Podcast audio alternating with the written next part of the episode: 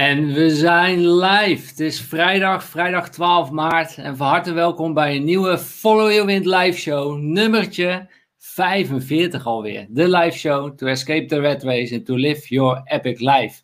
Ja, waarom zullen we ook niet meteen aan ons epic life gaan, uh, gaan werken? Het leven is te kort om het uit te stellen. Dus laten we hier vandaag samen met elkaar weer werken aan ons epic life. Hoe we dat voor elkaar kunnen, kunnen krijgen. Goed, wat is het idee van deze Follow Your Wind live show? We praten in deze live shows over investeren en ondernemen. En dat doen we altijd met een disclaimertje. Uh, wat inhoudt dat wat wij je vandaag gaan vertellen, het is absoluut niet de waarheid. Het is slechts een idee. En we nodigen je uit om je eigen visie te ontwikkelen. Maak jezelf financieel slimmer en mentaal sterker, zodat je in alle vrijheid kunt doen wat je wilt doen en wat je te doen hebt hier op deze planeet. Dat is waar Follow Your Wind voor, uh, voor staat. Onwijs tof dat jullie er allemaal weer bij zijn. En deze live show, die maken we ook samen met elkaar. Dus je bent er nu live bij aanwezig. Stel ook je vragen via de chat. Wij houden de chat in de gaten. En denken wij van, hé, hey, dat is een goede vraag. Op het juiste moment in ons gesprek, dan zal ik die ook voor jou, uh, voor jou stellen. Dus uh, denk met ons mee. Doe met ons mee. Stel je vragen. Dat vinden we echt, echt onwijs tof. En ik wil ook meteen iets met jullie delen, wat ik ook echt onwijs tof vind aan jullie eigenlijk. En dat is het volgende. Ik, uh, jullie weten, wij maken deze live show. We maken het iedere week voor je. Om ja, eigenlijk iets, iets aan te reiken om jezelf financieel slimmer te maken. Maar we zien ook echt dat jullie gewoon in actie komen. En dat is gewoon kicken. Dat is gewoon geweldig. En een voorbeeldje. We hebben een aantal live shows bijvoorbeeld opgenomen over het onderwerp uh, vastgoed.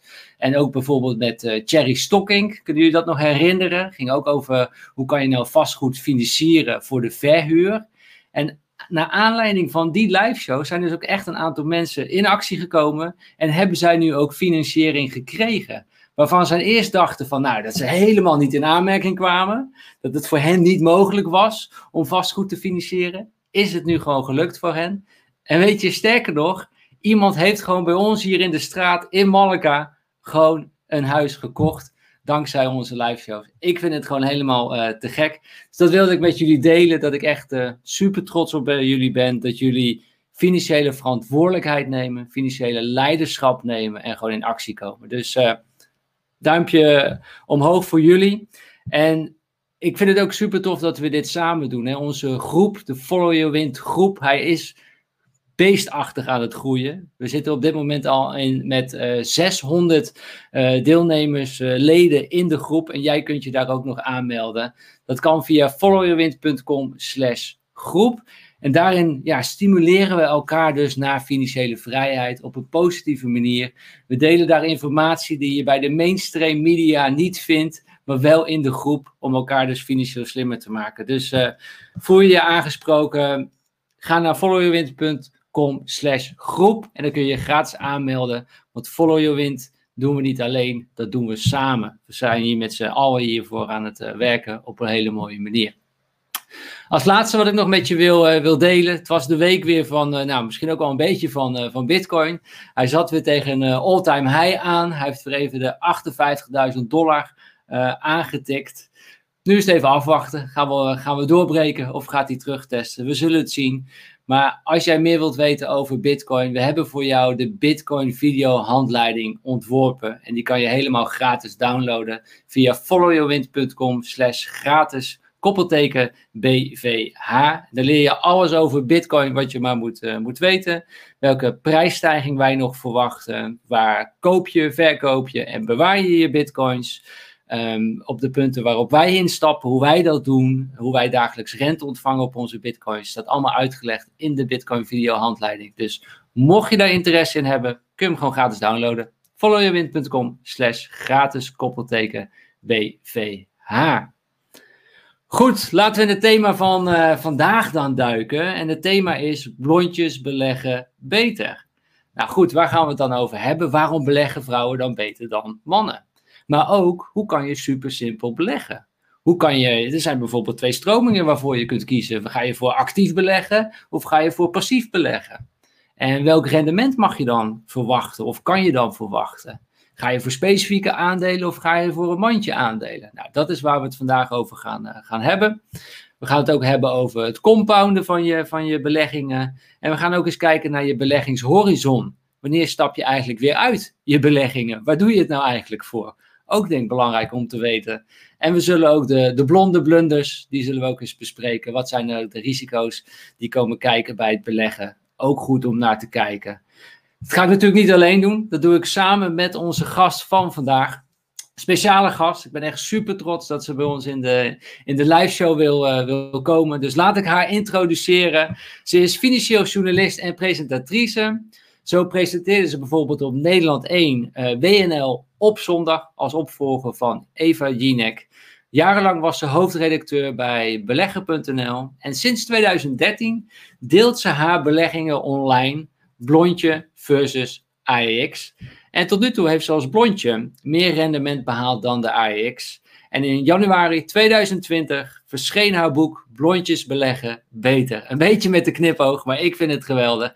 En inmiddels staat alweer, uh, ja, haar boek staat al voor de elfde week in de uh, bestseller top 60. En dat is eigenlijk voor het eerst dat er een beleggingsboek in de bestseller top 60 staat. Dus geweldig. Het boek is al in de, in de negende druk. En ze is ook beurscommentator en presentatrice bij RTL Z op dit moment. En jawel, vanuit daar is ze nu bij ons in de live show. Ik zou zeggen, geef een onwijs groot applaus voor haar. En jullie weten hoe jullie dat kunnen doen. Met dat duimpje onder deze video geef je dat grote applaus voor onze gastspreekster van vandaag. Abonneer natuurlijk ook even op ons YouTube kanaal. Bijna dagelijks nieuwe video's voor je. Geef een groot applaus, jawel, voor Janneke Willemsen. Hey! Yeah. Wat een mooie introductie.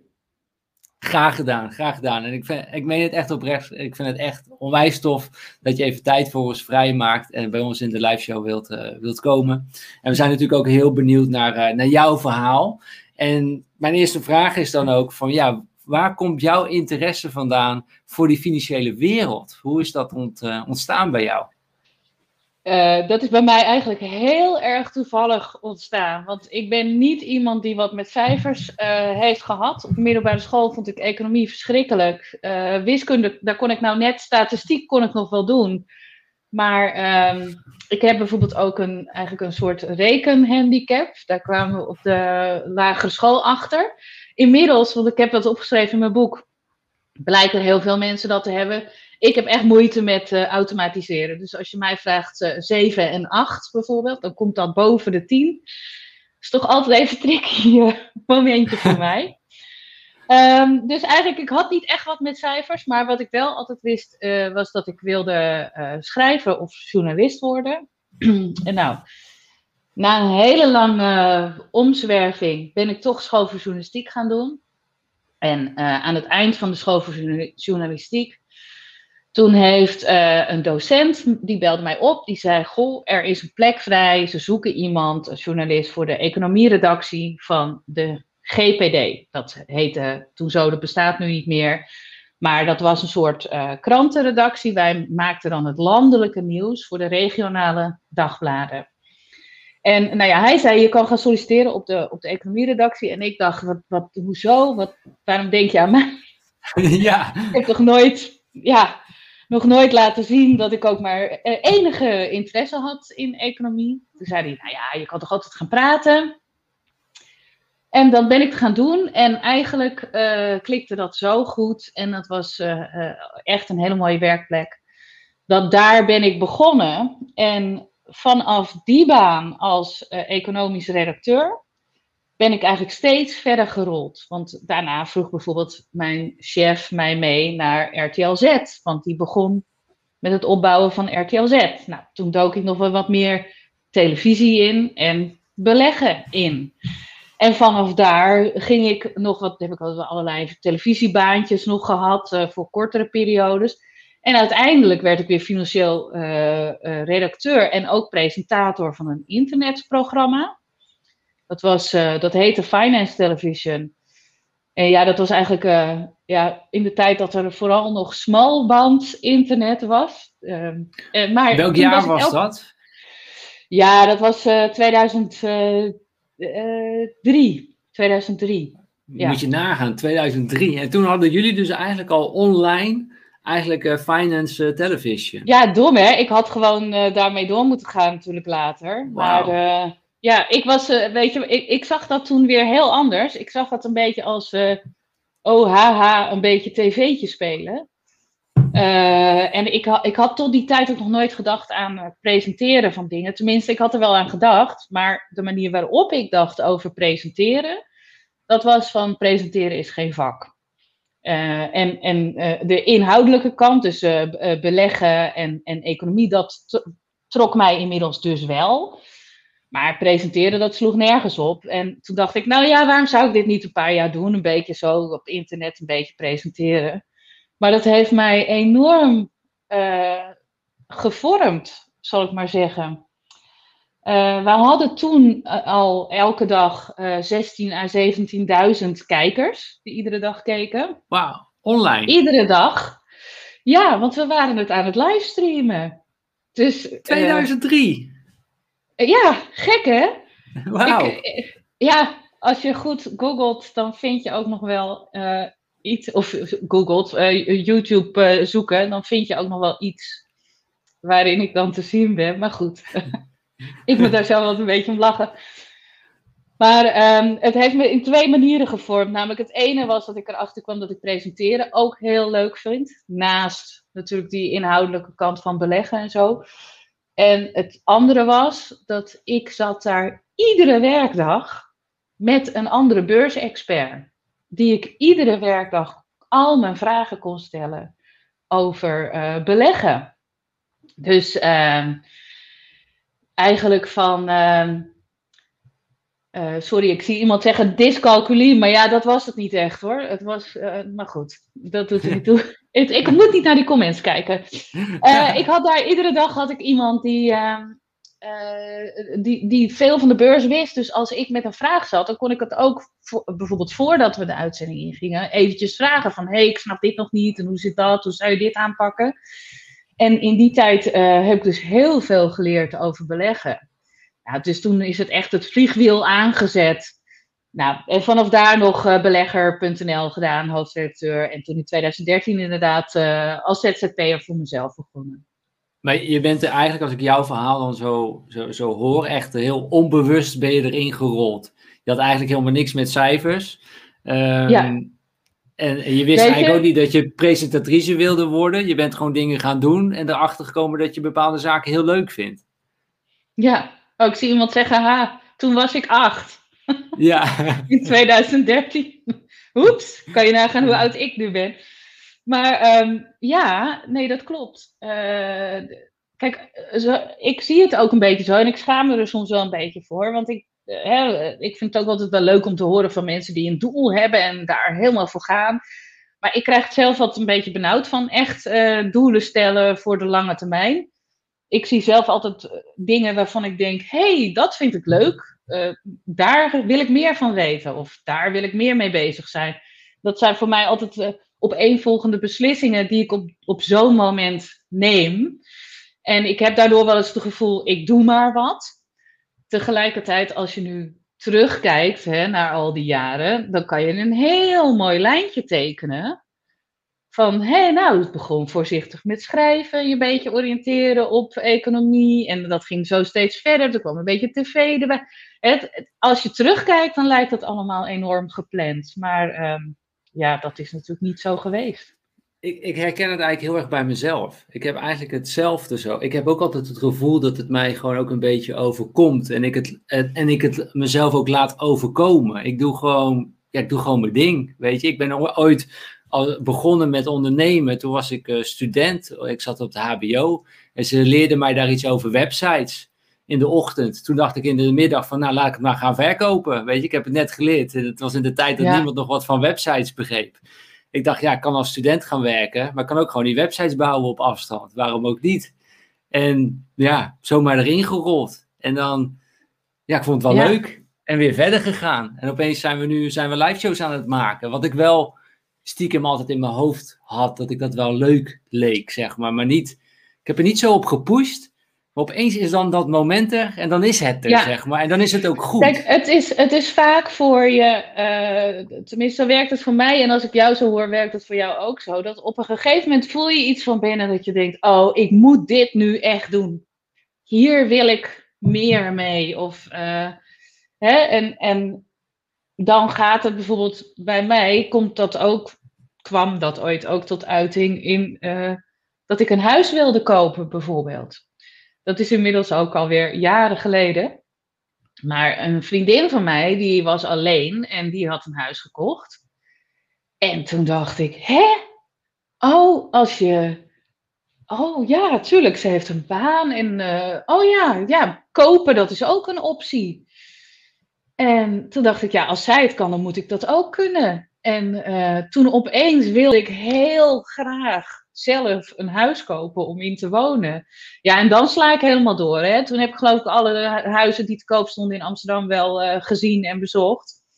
Uh, ja. maar, maar zo gaat het voor mij ook met werk. Um, op een gegeven moment wilde ik bijvoorbeeld hè, in, in 2013, toen ik uh, ontslag nam bij belegger.nl, toen had ik, dat deed ik vanuit nou ja, er waren wat dingen. Ik, ik had het gevoel dat ik mijn ei niet meer kwijt kon bij belegger.nl eh, op de manier die ik wilde. En iets anders was dat ik heel sterk toen voelde van, uh, goh, dat presenteren. Ik heb er altijd een beetje lacherig over gedaan. Ik heb het nooit echt een kans gegeven. Of ik heb er zelf nooit echt actie op ondernomen. Ik zat daar online te presenteren. Maar het grappige was, ik deed dat. Maar daarnaast heb ik bijvoorbeeld ook bij AT5 gepresenteerd op dat moment, omdat ze mij vroegen weer een zakenprogramma daar te doen. Uh, en daarnaast hebben ze me ook toen bij RTL Z gevraagd om een aantal programma's uh, en webinars te presenteren. Dus ik deed dat wel, maar ik werd dan altijd gevraagd, weet je wel. Ik had daar nooit zelf iets van actie op ondernomen. Ja. En toen in 2013, toen dacht ik, ja, ik, uh, dit is iets wat ik echt heel graag nog wil najagen. Dus die, die wind ook nog een keer uh, volgen. En toen ik dat eenmaal voelde, toen ben ik daar allerlei acties voor gaan ondernemen. Want ik dacht, ik wil op uh, nationale televisie presenteren. Ik wil echt gaan presenteren. Een echt programma, tenminste echt, wat in mijn hoofd dan echt was. Ja. Nou, en, en zo ben ik ook door een vrij brutaal sms'je uh, toen aan de hoofdredacteur van, uh, van WNL destijds. Uh, nadat Eva Jinek vertrokken was. Ik dacht dat dit slaat nergens op wat ik nu doe. Maar ik deed het toch als een grap. Van hé, hey, als je nog iemand zoekt. en nou ja, nou had ik natuurlijk het voordeel, wij kenden elkaar al. Ik was daar wel eens te gast geweest. Maar ik had natuurlijk niet verwacht dat, uh, dat ik het daarna ook uh, ruim een jaar kon gaan presenteren. Dat uh, had ik niet verwacht. Maar ja, dat zijn wel allerlei dingen. Hè. Het begint bij je voelt, dit wil ik. En dan ga je acties ondernemen. En dan uiteindelijk komt er ofwel iets uit of niet. Er zijn natuurlijk ook wel eens dingen die mislukken. Um, en als je dan terugkijkt, dan denk je ineens dat je hele leven een hele vooropgezet plan is geweest. Ja, exact. Ik, ik herken dit compleet. En ook gewoon het gevoel van echt het loslaten van. En dan opeens komt het, zeg maar. Maar gewoon vanuit dat vertrouwen. Um, ja, dat en, vertrouwen heb ik overigens uh, niet hoor. Ik merk dat ik dingen heel slecht loslaat. Ja. En hoe, hoe keek jij toen in die periode? Je, je, je was uh, in loondienst. En toen in 2016, 2013 eh, heb je gezegd van nee, ik ga toch voor mezelf beginnen. Vond je dat spannend? Was het onzeker? Hoe heb je dat dan ervaren, die periode? Want je hebt daar wel een hele grote beslissing genomen van ik wil voor het presenteren gaan. Ik wil die presentatrice worden. Ja, en ook uh, de grote beslissing was natuurlijk ook, ik wil eigen baas worden. Uh, en, en dat was wel heel erg spannend. En ja, hoe dat voor mij dan gaat, is. Uh, nou, ik, ik voelde van. Uh, ik kan mijn ei hier niet kwijt. Maar dat, ook dat heeft in mijn beleving heel lang geduurd. Want dan denk je: wacht even. Als ik nou het een keer zo breng aan iemand. Misschien voel ik me dan wel goed. Of als ik dit nou eens probeer binnen die baan. Misschien lukt het dan wel. En ja, op een gegeven moment. Uh, dan, toen moest ik tot de conclusie komen dat ik eigenlijk de hele tijd met mijn kop tegen de muur aan zat te knallen. En van ja, zij konden mij niet geven wat, waar ik gelukkig van werd. Dan ga je denken, oké, wat dan? andere baan. Of, uh, nou, toen dacht ik, nee, ik wil eigenlijk toch voor de presenteren gaan. En ik wil uh, gaan freelancen. En dan ga ik kijken of ik op die manier hier her en der een beetje kan gaan presenteren. En uh, dan of ik daarvan rond kan komen. En um, ja, toen. Die, die eerste stap die durfde ik natuurlijk niet zo te nemen. Maar ik had al geld gespaard. Dat ik wist, ik kan een aantal maanden rondkomen. Ja. Ook al krijg ik geen enkele opdracht. Iets anders was, ik kon toch nog een aantal maanden wat werk blijven doen bij uh, mijn vorige werkgever. Hè, dus ik was ook met ze gaan praten en ik zei, ja, goh, uh, ja, zou, kan ik dan nog een aantal mensen nog er, uh, een aantal maanden nog ergens mee helpen? Nou, dat kon. Ze waren zelfs opgelucht dat ik nog een soort van transitieperiode. Dus dat was mooi. Dus ik had een vaste opdracht al. En ja, het gekke was, toen ik vanaf 1 mei 2013 daadwerkelijk zelfstandig was, toen hoorde ik 9 mei dat ik. Uh, nee, niet hoorde ik, maar toen zat ik 9 mei met mijn kop op uh, NPO 1. En dat, dat had ik natuurlijk niet verwacht. Kijk, al die maanden daarvoor ben je aan het opbouwen. Probeer, zorg je ervoor dat je toch uh, en spaargeld hebt en voldoende inkomsten die al vast liggen. En ga je hier en daar eens eventjes iemand opbellen en zeggen: hey, tegenwoordig doe ik ook dit. En op die manier ga je starten. Dus ik had wel gezorgd dat ik een soort van uh, vangnetje klaar had liggen. Ja, maar ja, goed, je had wel het, uh, zelf besloten om ervoor te gaan. Ja. Um, en, en, toen ging het natuurlijk wel verder rollen. En wat me eigenlijk ook opvalt in je verhaal, en dat is denk ik ook heel, daar kom ik ook steeds meer achter, maar dat je je netwerk om je heen, dat is zo belangrijk. Eigenlijk als je gewoon continu voor waarde zorgt om de mensen om je heen en die probeert te helpen, dan krijg je dat ook weer terug. En jij bent ook, doordat je die beurscommentatoren uh, kende en kon spreken iedere dag, heb je zoveel geleerd. Je stond met ze in contact. Je kon dan sms'jes sturen naar diegene die bij NPO zat. Is toch ja. een netwerk dan. Ja, ja, ja. Maar ik heb altijd bij het woord netwerken, dat voelt voor mij altijd uh, uh, alsof je dan met een soort vooropgezet plan ga je allerlei mensen bellen. En dan met iedereen koffie drinken. En dat is eigenlijk bij mij ook altijd een beetje vanzelf gegaan. Behalve toen ik het plan had om voor mezelf te gaan beginnen. Toen dacht ik, ja, wacht eens even. Ik, uh, het is nu wel handig om een paar mensen in elk geval te bellen. En te zeggen van, stel dat jij wilt dat er iets gepresenteerd wordt. Denk dan even aan mij. Of uh, ja, en in het begin heb ik bijvoorbeeld ook teksten voor websites geschreven en zo. Ja. ja. Nee, maar ik, probeer het ook in de goede manier te zeggen. Daarom zei, voegde ik ook aan toe van, um, ja, gewoon als je gewoon ermee bezig bent om gewoon waarde te creëren voor andere mensen, dan komt het op andere manieren terug die je niet zelf verwacht. En dat is in ieder geval ja. wat wij zelf ervaren. Ik doe nou iedere week uh, deze live show. En dan gewoon omdat ik het super tof vind. Eigenlijk heel eerlijk, ook om mijn eigen problemen, mijn eigen shit op te lossen, denk ik van hé, ik ga Janneke interviewen. Kan ik haar vragen stellen, zoals jij had met die beurscommentatoren? Ik denk, hé, ik deel het gewoon met de hele groep. We zitten nu met 160 man uh, live te kijken. Ja, wat ik van ja, die mensen allemaal terugkrijg, daar doe ik het echt niet voor. Ik doe het gewoon echt omdat ik het zo tof vind. Maar dat is, dat is gewoon ongelooflijk. Dat is... Nou ja, wat mij opvalt is als je iets doet waarvan je zelf denkt, dit vind ik leuk ja. Uh, maar je vindt het echt leuk, want dit vind jij ook echt leuk. En ik vind het ook super leuk. En uh, weet je, ik heb bijvoorbeeld begin dit jaar uh, heb ik een beleggersboost georganiseerd, waarbij mensen elke dag een mailtje kregen en een opdracht. En ik had een werkboek geknutseld en een video elke dag. En dat is dan ook iets wat zeg maar aan het einde van het jaar bij mij woep, plotseling opkomt.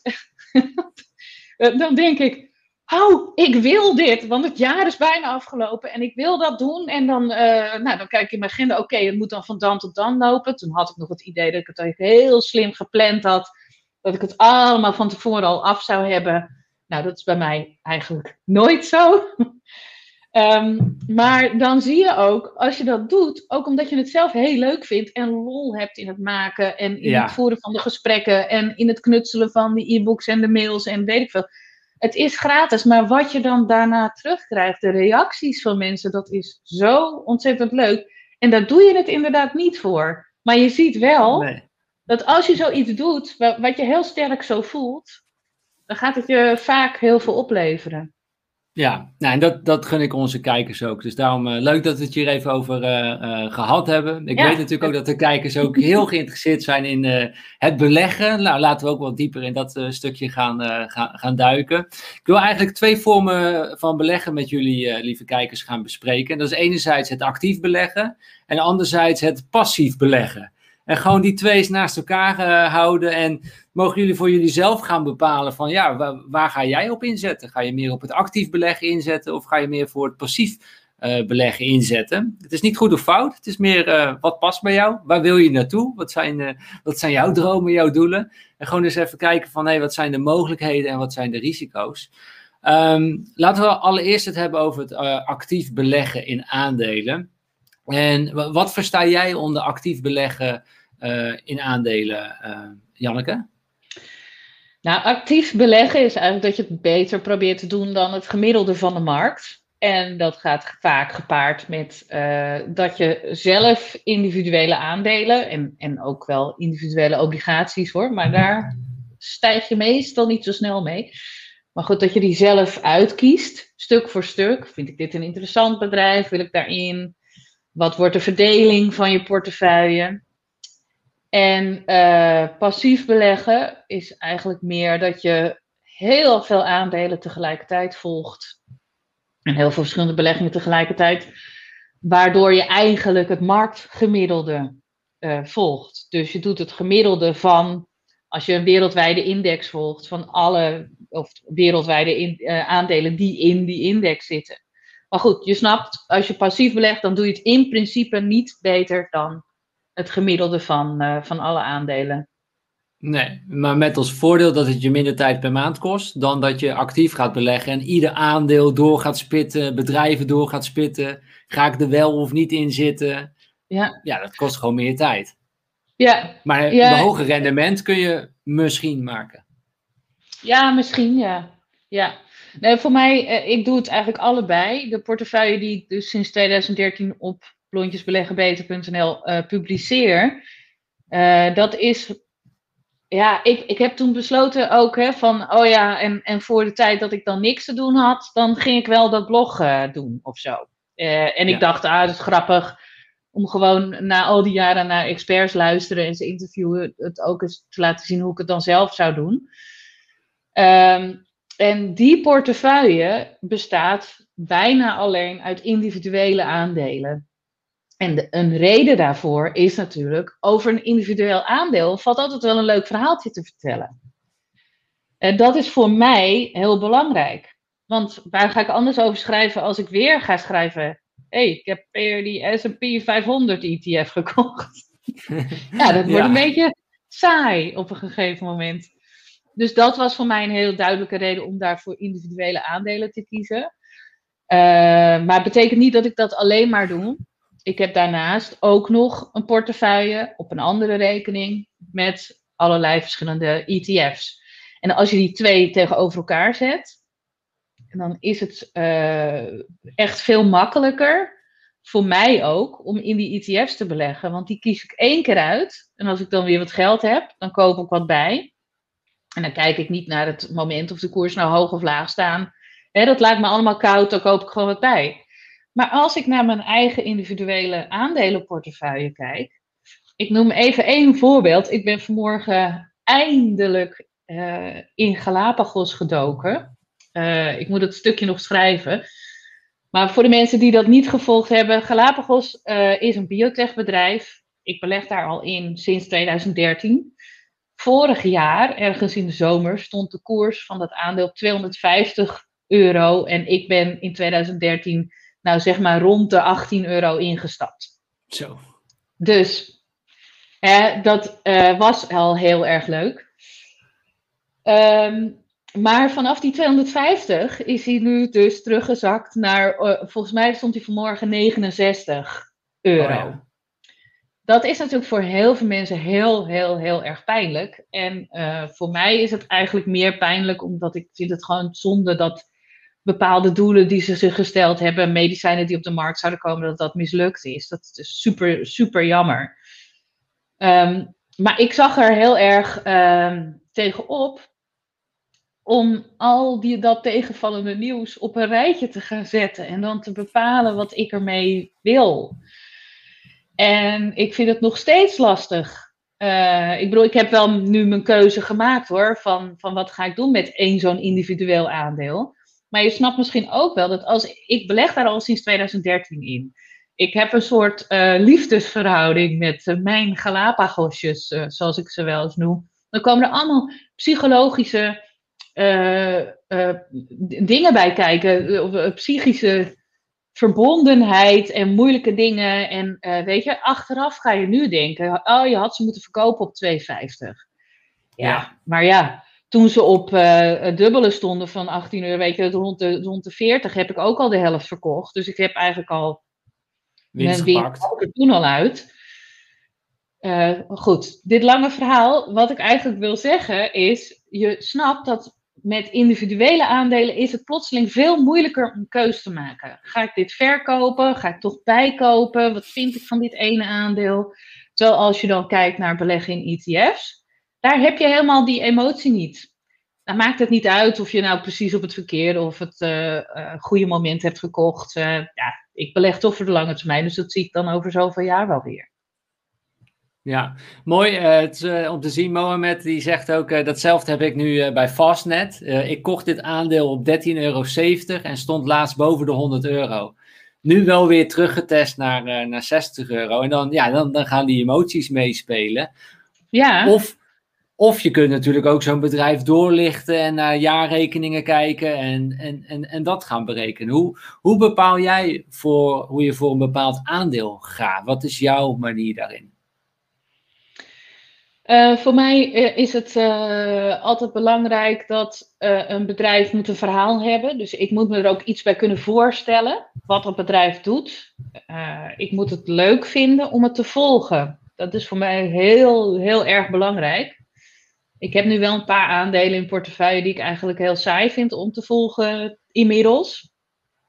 En wat je dan merkt, bijvoorbeeld ik noem even PepsiCo, dat zit in mijn portefeuille ja, en wat ik dan merk is dat ik dan denk, ja, uh, boeien, wanneer die cijfers uitkomen, ja, het zal weer iets met uh, drankjes uh, te maken hebben en zo, weet je wel. Het interesseert me dan niet. Terwijl als jij in individuele aandelen gaat beleggen, is natuurlijk wel de bedoeling dat ik het nieuws blijf bijhouden.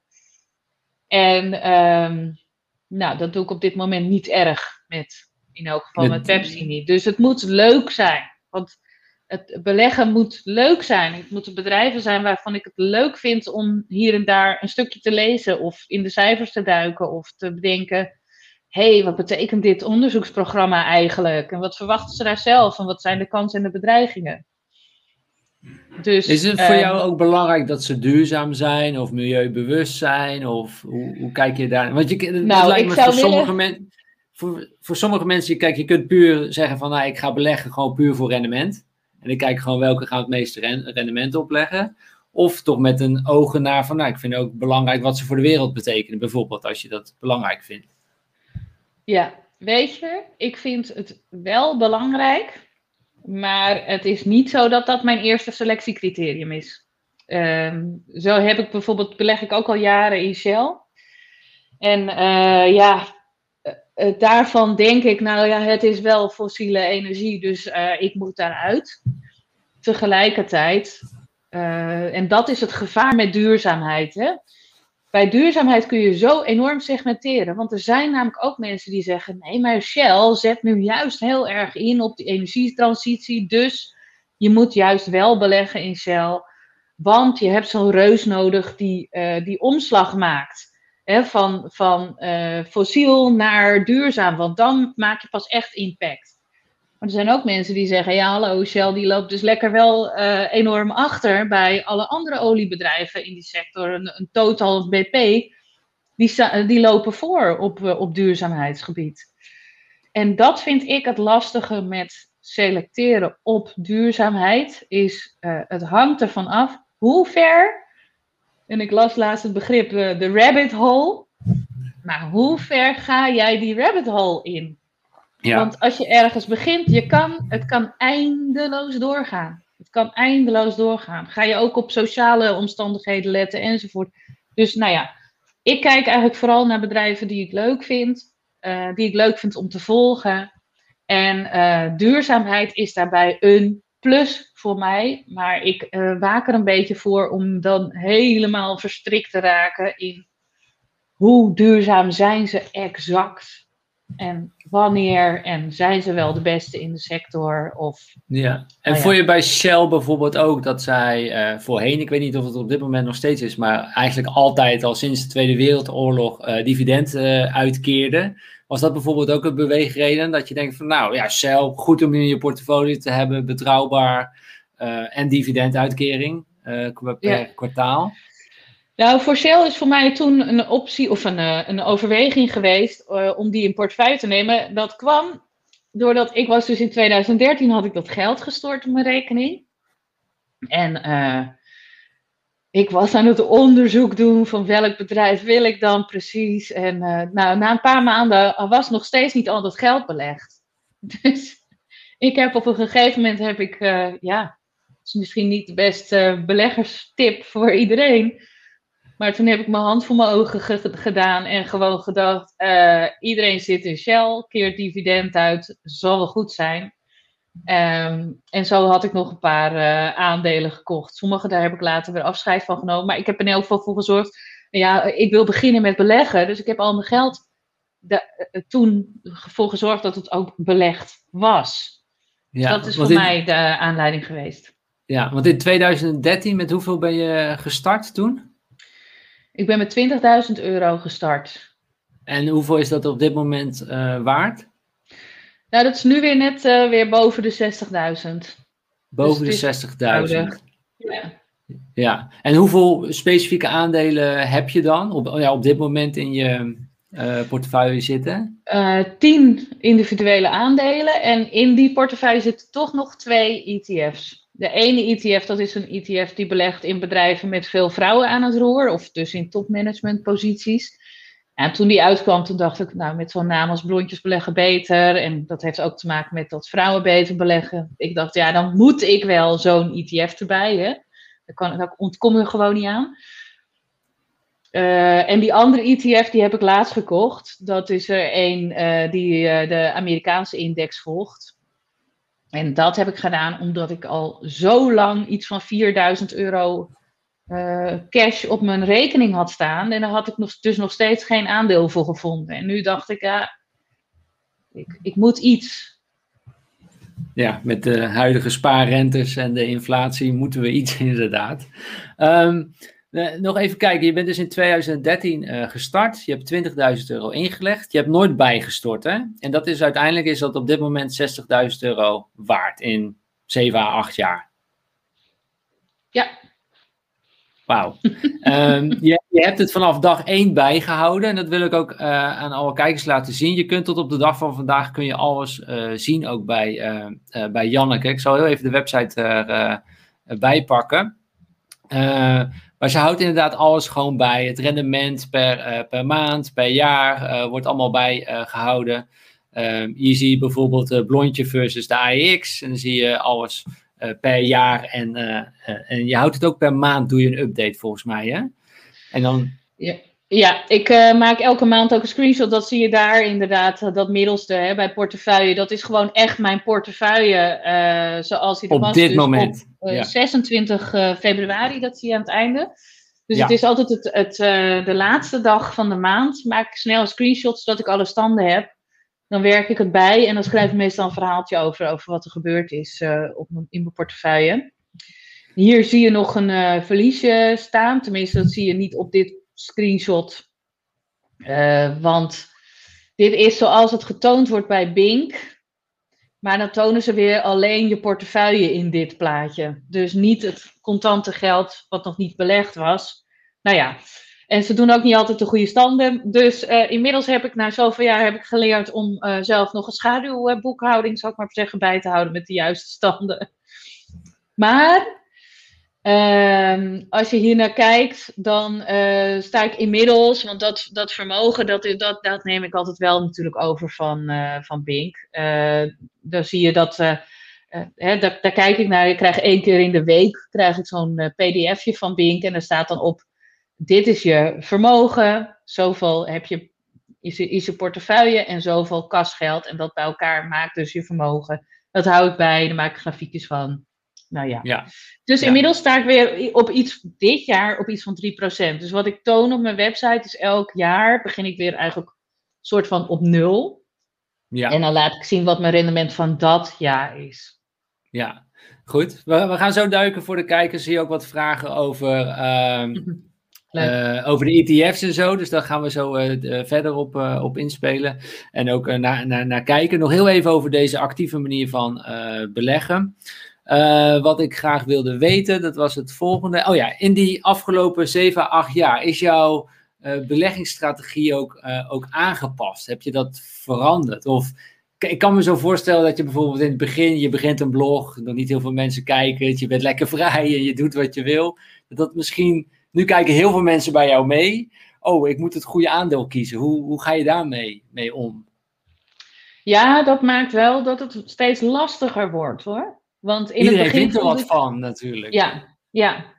En ik kan wel doen alsof, uh, alsof ik me daar niets van aantrek. Maar ik merk toch, uh, bijvoorbeeld ook bij het, bij het schrijven van, van maandelijkse blog. Of bij zo'n stukje over wat ga ik met Galapagos doen. Dat ik dan denk, ja, wat ik ook doe. Er zullen altijd mensen zijn die het tegenovergestelde vinden. En uh, dat, dat mag ook. Maar soms ga je dan toch, weet je, dan durf je eigenlijk even niks meer te schrijven omdat je dan bang bent van, oh, misschien ben ik niet helemaal volledig of zo. Ik probeer dat wel los te laten hoor. Want ik probeer het te doen zoals in het begin. Van het, het moet eigenlijk gewoon mijn beleggersdagboek zijn. Waarbij ik denk, ah, nou, ik vond dit wel een leuk aandeel, bla bla bla. En natuurlijk hè, lees ik me in, maar het, uh, het, het moet niet zo zijn dat ik volledige, doorvrochte analyses ga schrijven. Want daar zijn uh, de echte analisten voor.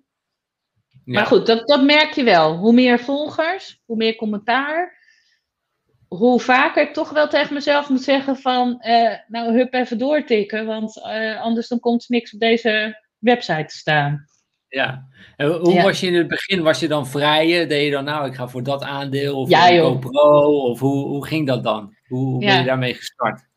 Ja, dat, ik was zeker vrijer, want uh, ja, ik ben het ook begonnen, joh, dat ik dacht van, uh, oh, vanaf uh, januari 2013, dus ik snel eventjes URL'tje registreren, eind 2012. Uh, eh, snel geld overmaken, van, oh, dat is wel leuk, even kijken of ik dat dan kan. En, ja, toen in het begin, toen heb ik gewoon dingen gedaan als, oh, iedereen had het over TomTom, nou, dan kocht ik TomTom. Weet je, nu kan je het allemaal terug, maar dan moet je wel enorm bladeren hoor, maar dan kan je het wel terugvinden op mijn blog. Uh, dat deed ik gewoon en dat deed ik veel meer voor de korte termijn. Ook al had ik geschreven van uh, hey, ik ben voor de lange termijn bezig. Want ja, niemand las het, dus prima. ja, en ik heb, wat ik ook heb gedaan is bijvoorbeeld op een gegeven moment ging GoPro naar de beurs.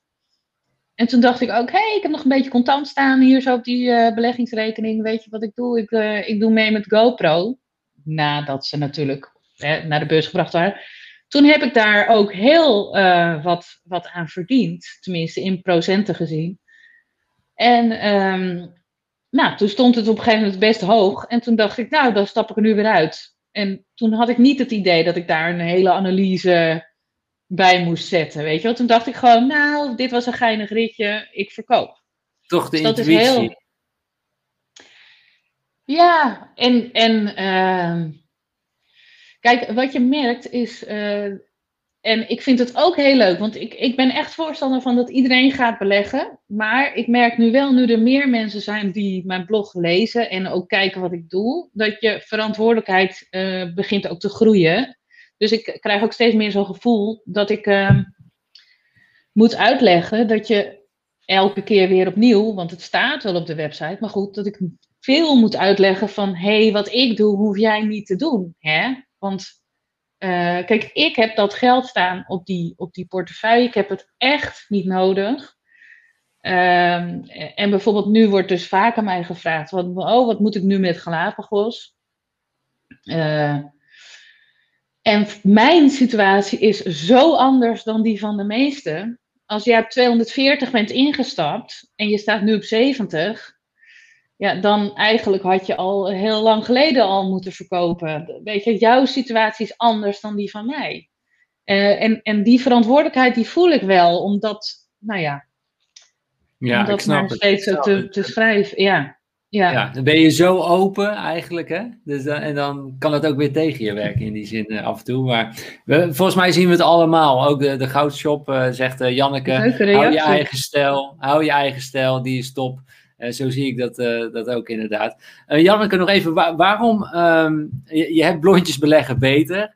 Is het ook zo dat vrouwen beter beleggen dan mannen? Is, waar is dat op gebaseerd?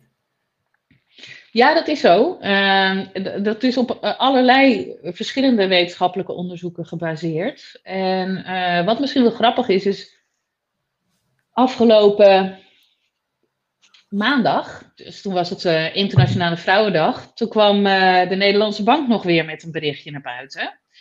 En dat had ik eigenlijk ook al in mijn boek geschreven. Maar wat zij schrijven is, vrouwen hebben vaak minder vertrouwen in hun financiële kennis. dus die zijn daar onzekerder over. Terwijl het niet zo is dat ze minder financiële kennis hebben dan mannen. Maar uh, ja, het is zoals helaas met heel veel dingen in het leven. Uh, dat als mannen uh, één boek hebben gelezen of, of een paginaatje hebben gelezen, dan denken ze, nou, top, ik weet genoeg, ik ga beginnen. En als een vrouw honderd boeken heeft gelezen en een studie heeft gevolgd, dan zit ze nog van ja, ik eh, weet het niet. Ik wil misschien nog iets meer weten. En ja, dat twijfelen in het, in het leven. Uh, ik ben er wat dat betreft echt een, echt een twijfelkont. Maar um, niet altijd met beleggen. Maar, uh, nou ja. maar goed, met beleggen, als je als vrouw wat langer nadenkt dat behoedt je juist voor fouten. Maar ja, je moet wel beginnen.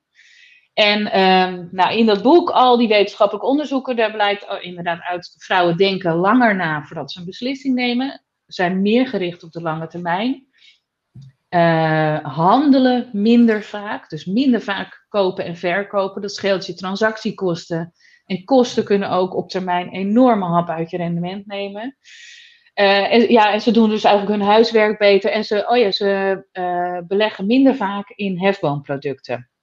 Dus minder vaak in opties en dergelijke. En dat alles bij elkaar zorgt ervoor dat de vrouw, gemiddelde vrouw, dus niet elke vrouw, gemiddelde vrouw, haalt een beter rendement dan de gemiddelde man. En een gemiddeld halen vrouwen uh, minder vaak verlies dan mannen gemiddeld. Ja, nou, interessant. Ik zie het wel uh, terugkomen in eigenlijk het stukje jagen en verzamelen. De, de mannen op pad aan het jagen, die moeten gewoon wat sneller schieten, boom. En, en, en, en ja, en zo zeg maar. Daar, we hebben trouwens hier ook een boekje daarover liggen in huis. Het is onwijs interessant waarom ik nooit iets kan vinden in de koelkast en Nicole wel. Uh, zo bijvoorbeeld bij ons. Oh, dat is hier met meneer Willemsen is dat ook helemaal zo. Ja, ja dus, maar zeg ik, uh, dat zit in de la. Ja. Nee, echt ja, ik denk dat heel veel, heel veel, mensen dat uh, herkennen. Maar interessant om te kijken hoe je dat, je, je krachten en de, je besef hebben van je, je, je, minder sterke punten, hoe je dat toch kan benutten op de, op de beurs. Ik heb hier nog uh, een vraag van iemand, van een uh, Ole Zeeman.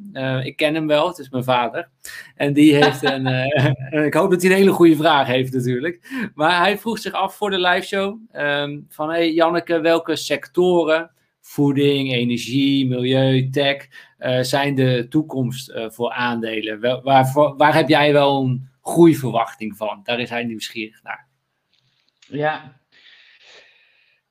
dat, dat vind ik heel erg lastig. Ehm, maar ik zou het inderdaad toch vooral bij, bij techbedrijven houden op dit moment. Maar ja, ehm, mijn blik reikt ook niet verder dan een paar jaar. Hè? En op dit moment worden met name tech-aandelen juist heel erg verkocht. Omdat uh, de koersen zo hoog gestegen zijn en dat er nu weer sprake is van uh, dat de rente gaat stijgen. En dat betekent uh, ja, dat eigenlijk teruggerekend naar vandaag dat je aandelen minder waard zouden moeten zijn. En daardoor worden veel aandelen op dit moment verkocht of zie je wat koersdruk ontstaan. tegelijkertijd, als je kijkt vanuit fundamenteel, vanuit, want, want we hadden het net over wat voor soort bedrijven beleg je. Nou, het is natuurlijk niet alleen dat ik beleg in bedrijven die ik leuk vind, maar ook in bedrijven waarvan ik zelf veel verwacht voor de toekomst. En als je kijkt naar fundamenteel, ja, ik, volgens mij zijn we nog steeds met z'n allen, niet alleen dit jaar aan het zoomen, maar zal dat in de toekomst nog steeds zo zijn. Dat we ja, heel dus het bedrijf, uh, Zoom, het bedrijf Zoom is op de beurs en daar kun je gewoon aandelen in kopen. Juist, ja. Ja, nou weet ik van Zoom zelf, daar ben, ik ben nooit de cijfers ingedoken hoor. Dus uh, dit zijn alleen maar uh, voorbeelden van. Um, maar als je kijkt naar uh, ja, alle techbedrijven die nu bezig zijn, um, ik denk dat we naar de toekomst toe daar alleen maar meer internettechnologie zullen gaan gebruiken. Dus dat soort zaken. En net kwam ook dat, dat Alpha of Fastnet kwam voorbij. Hè? Alles wat met de elektrificatie te maken heeft. Dus met elektrisch rijden. Ik bedoel, ik weet dat Volkswagen zet er ook vol op in. We hebben natuurlijk Tesla gehad die een enorme koersstijging achter de rug heeft. Maar ook weer een mega terugval. Ja. Um, dus ja, weet je, ook dit soort dingen. En, en ook uh, de, de, laadpalen, uh, fabrikanten van uh, manieren om elektriciteit op te slaan.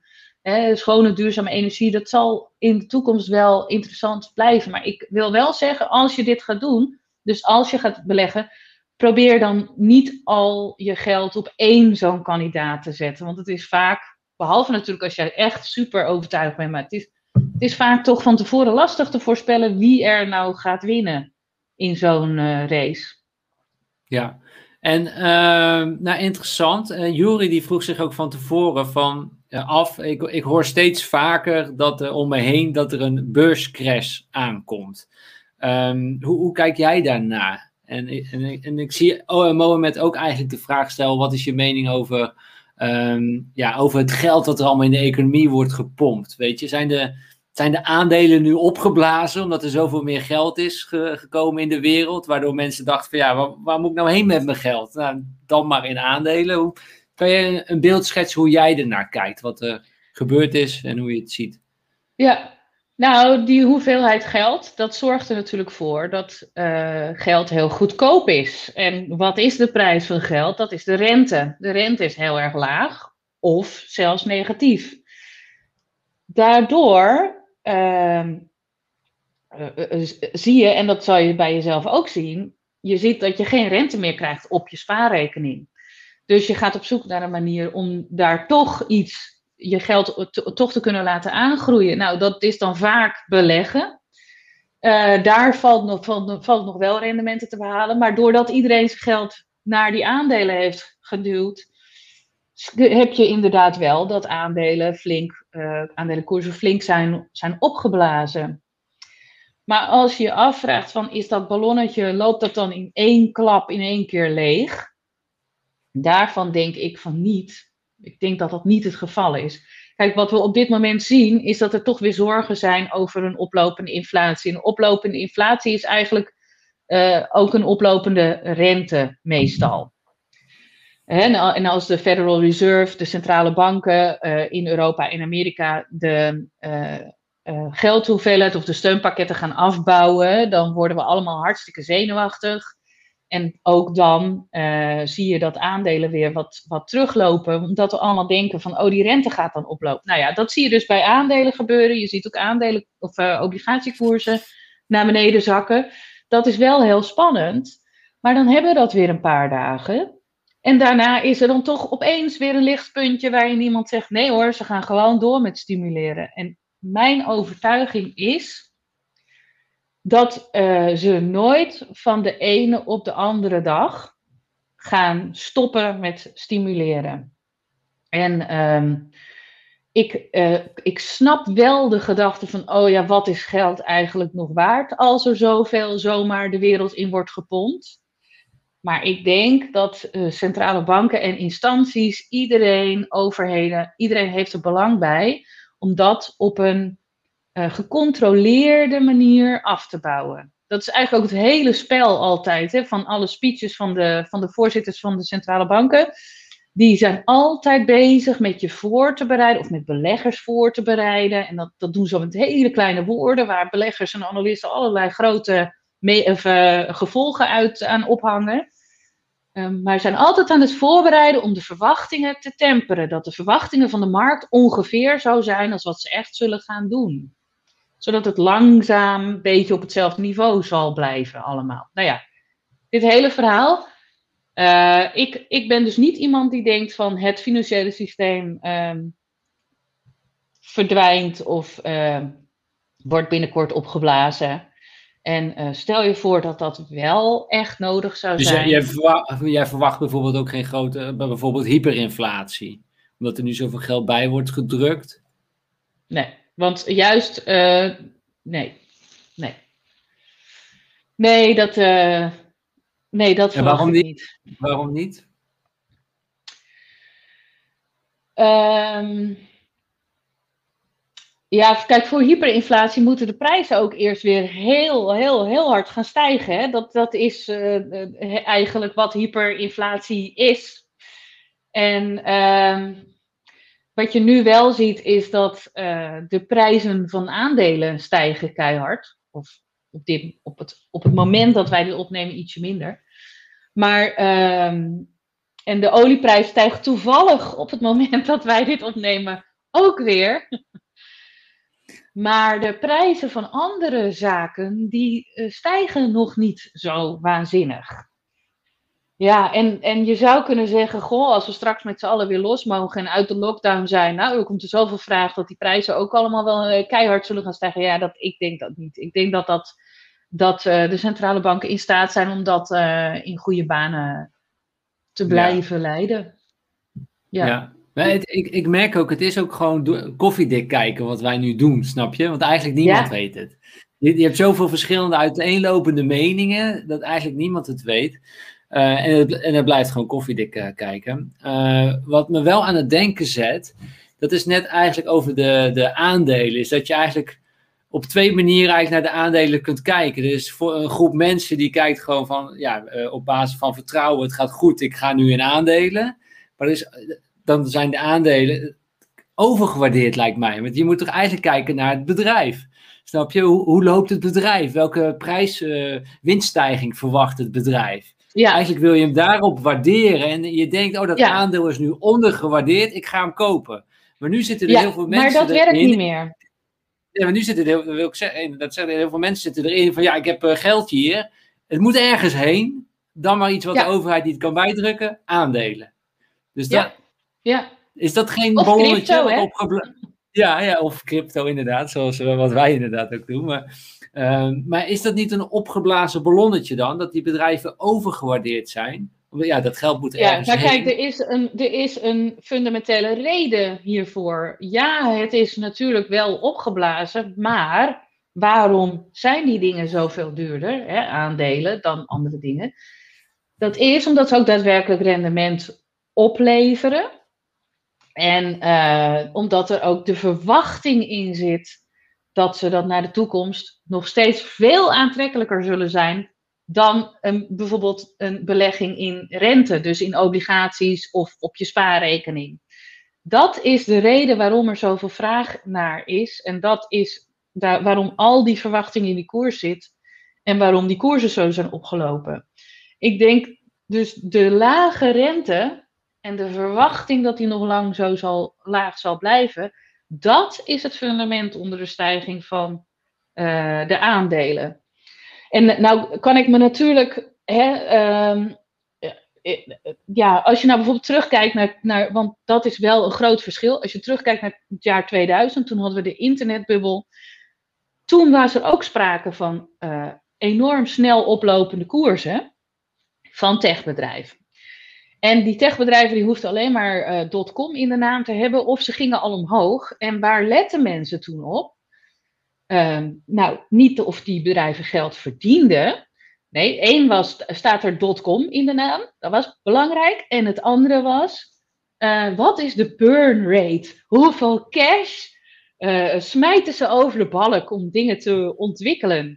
En dat was natuurlijk nergens op gebaseerd.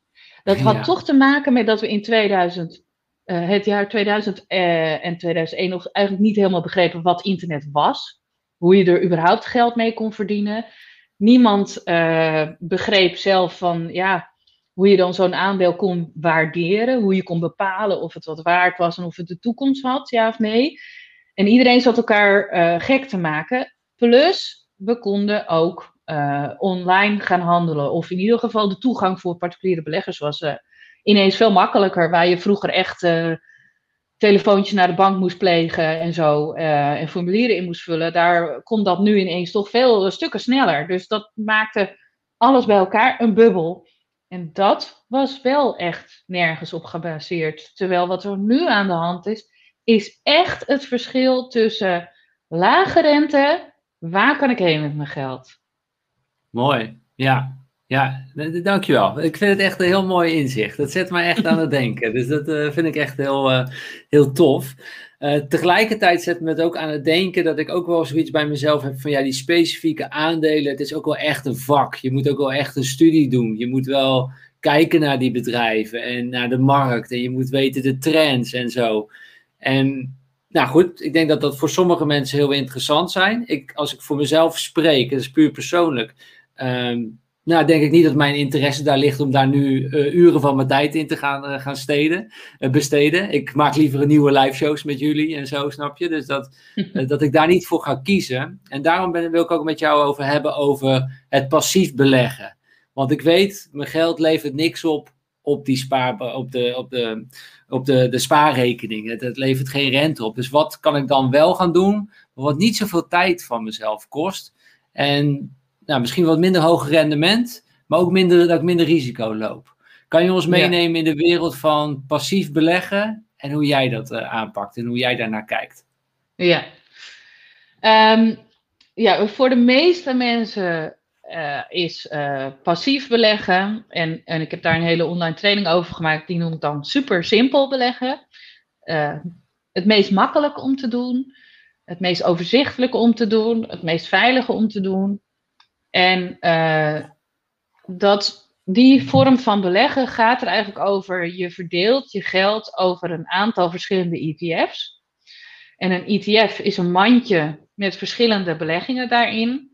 Uh, die volgt meestal een, een index, maar goed, je moet het eigenlijk vooral zien als een beursgenoteerd mandje. Dus stel je koopt voor één ETF kost bijvoorbeeld 100 euro dan zitten daar, als, je, als die ETF de SP 500, dus de Amerikaanse aandelenindex beleg, uh, volgt, dan uh, is jouw 100 euro via die ETF meteen over 500 Amerikaanse aandelen gespreid. Nou, die kun je natuurlijk nooit allemaal zelf gaan kopen, want in die SP 500 zitten bijvoorbeeld Microsoft, Facebook, Amazon, nou, van alles en nog wat. En die koersen die zijn vaak al zo hoog, Apple bijvoorbeeld. Uh, dat ga je natuurlijk nooit voor 100 euro kunnen kopen in je eentje. Maar als je zo'n ETF koopt, dan ben je dus via die ETF toch meteen over al die aandelen gespreid. Nou, zo heb je verschillende mandjes. Dus je hebt, uh, deze, dit is dan eentje die de Amerikaanse aandelenmarkt volgt. Je hebt ook mandjes of ETF's die dus wereldwijde index van aandelen volgt. Je hebt zelfs mandjes die, of ETF's, die zeg maar zowel aandelen als vastgoed als obligaties volgen. En het voordeel van zoiets is dat je dan echt in één klap klaar bent. Want de meeste mensen willen in hun portefeuille een soort spreiding ook nog aanbrengen tussen de hele categorie aandelen, obligaties en vastgoed. En ja, als je één zo'n ETF koopt waar dat allemaal al in zit, dan ben je in principe, zou je klaar kunnen zijn. Ja. Nou, voor de, wie, ja. Wie, wie, wie stelt zo'n ETF eigenlijk samen? Ja, dat doet de uitgever van de ETF. Uh, eh, dus uh, ja, je moet het eigenlijk zo zien. Je hebt bakkers die bakken broodjes, verschillende broodjes, een stokbrood en een keizerbolletje. En je hebt beleggingsinstellingen en die eh, bakken verschillende beleggingsproducten, zoals ETF's, en die komen dan in verschillende smaakjes. Uh, Oké. En andere wat is producten. Het, wat is het verschil tussen een ETF en een beleggingsfonds? Een beleggingsfonds is, en een ETF zijn grotendeels hetzelfde. Maar bij een beleggingsfonds, die zijn vaak niet beursgenoteerd. En een ETF wel. Het verschil is dat je dan in, een beleggingsfonds, dat er maar één keer per dag een koers tot stand komt. Dus er wordt maar één keer per dag zeg maar gehandeld. Terwijl een ETF, daar kun je in principe de hele dag in handelen. En het andere is dat uh, op een beleggingsfonds zit vaak nog een persoon die de fondsmanager is. Die gaat kijken welke aandelen wil ik in dit mandje hebben zitten. En vaak probeert hij het dan weer toch weer beter te doen dan het marktgemiddelde. Ah, ja. Uh, ja, blijkt trouwens vaak dat dat uh, niet lukt. Oh nee? En, en qua nee. kosten, is, is een uh, eh, ETF ook goedkoper qua aanschaf, qua, qua transactiekosten ja. dan een beleggingsfonds? Precies. Want omdat bij dat beleggingsfonds vaak dus nog een persoon of een, uh, soms ook wel een algoritme hoor, maar goed, een bedrijf zit wat daar ook graag weer wat mee, uh, mee doet, is een beleggingsfonds vaak wat duurder en een ETF vaak goedkoper. Ja. Dus dat zijn eigenlijk de verschillen. Mooi. Dus met een ETF kopen we een mandje. Nauti vroeg zich af, waar staat eigenlijk ETF voor? ETF, waar, waar staat het eigenlijk oh, ja. voor? Ja, sorry. uh, ik weet zelf eigenlijk ook niet. Ja. Nou ja, het staat voor Exchange Traded Fund. Dus beursgenoteerd fonds. Exchange ja. is de beurs. En traded is verhandeld. Exchange Traded Fund. En hoeveel van die ETF's zijn er eigenlijk? Waaruit kunnen we, hoe, uit hoeveel oh. kunnen we kiezen? Duizenden. Echt? Duizenden? Duizenden. Ja. Ja. Ik zie hier, kun je wat voorbeelden van een goede ETF noemen? Ja, weet je, uh, kijk, er zijn een aantal. Het punt met ETF's, ik, noem in mijn online training, laat precies zien hoe ik in elk geval selecteer op ETF's. Um, maar uh, het, het is eigenlijk ja, ik ken eigenlijk niet veel slechte ETF's. En er zijn zo ongelooflijk veel ETF's. En als je nou zelf wil gaan selecteren, dan uh, daar kijk ik ook. Dat is uh, de website morningstar.nl. Die hebben een ETF screener. Moet je een beetje pielen en oefenen met uh, wat vul je precies in bij alle pulldowntjes. maar als je dat een beetje onder de knie krijgt, dan kun je daar al heel makkelijk ETF's vergelijken. En ook per ETF doorklikken. Nou, bijvoorbeeld de portefeuille, van wat zit er precies in, of het rendement. En uh, voor wat betreft die voorbeelden is het natuurlijk een beetje suf om geen voorbeelden te noemen nu, maar... Um, ik, ik, ik, heb in de Vanguard gezeten. Volgens ja, mij een hele bekende. Kijk, Vanguard, dat is net zoiets als dat jullie hebben van Follow Your Wind, heb je, ik zal maar zeggen, petjes, uh, sweatshirts, of uh, dus hoodies, en uh, misschien nog iets. En dan zeg je vandaag, ja, ik heb mijn Follow Your Wind aan. En dan weet dus niemand of je nou je pet bedoelt of je hoodie. Want Vanguard is gewoon het merk van een beleggingsproduct. Dus ja. je hebt een Vanguard ETF die de S&P 500 volgt. Oh ja. Je hebt een Goeie. Vanguard ETF die een wereldwijde index volgt. Bijvoorbeeld de MSCI World. Dan heb je nog uh, binnen de MSCI World heb je ook nog smaken. Volg je de hele MSCI World of volg je de MSCI World uh, de core?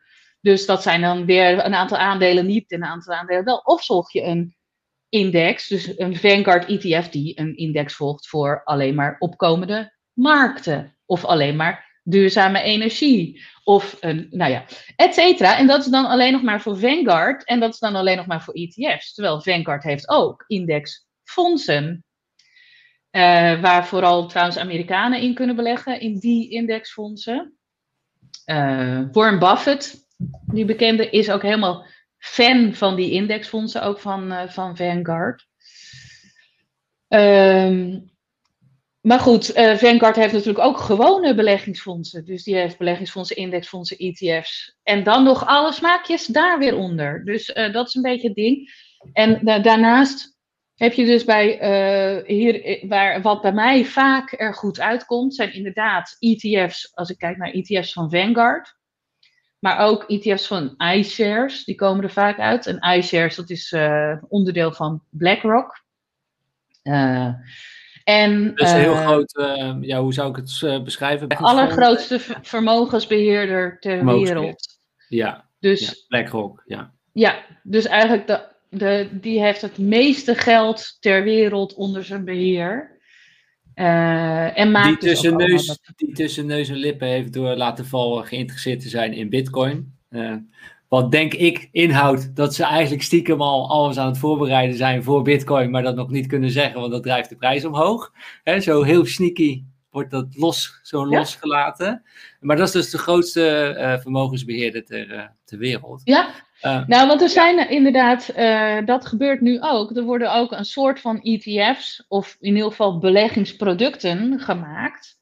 eh, die inderdaad een aantal bitcoin-waarden bijvoorbeeld volgen. En eh, je hebt in Nederland heb je een Nederlandse maker van ETF's. Die is inmiddels overgenomen door een Amerikaanse. Maar goed, ze heten Van Eck. En eh, ehm, die hebben bijvoorbeeld ook een aantal, of een, een, die hebben nu ook een Bitcoin ETN, heet dat dan weer. Dus met een N. En ik zie het verschil nog niet helemaal, maar in ieder geval, die volgt ook de Bitcoin. Dus dan kun je ook Ja. via een gewone beleggingsrekening, kun je dus toch de Bitcoinprijs eh al volgen. ja, Wat natuurlijk ook weer voor allemaal extra vraag weer naar Bitcoin gaat zorgen. ja, exact.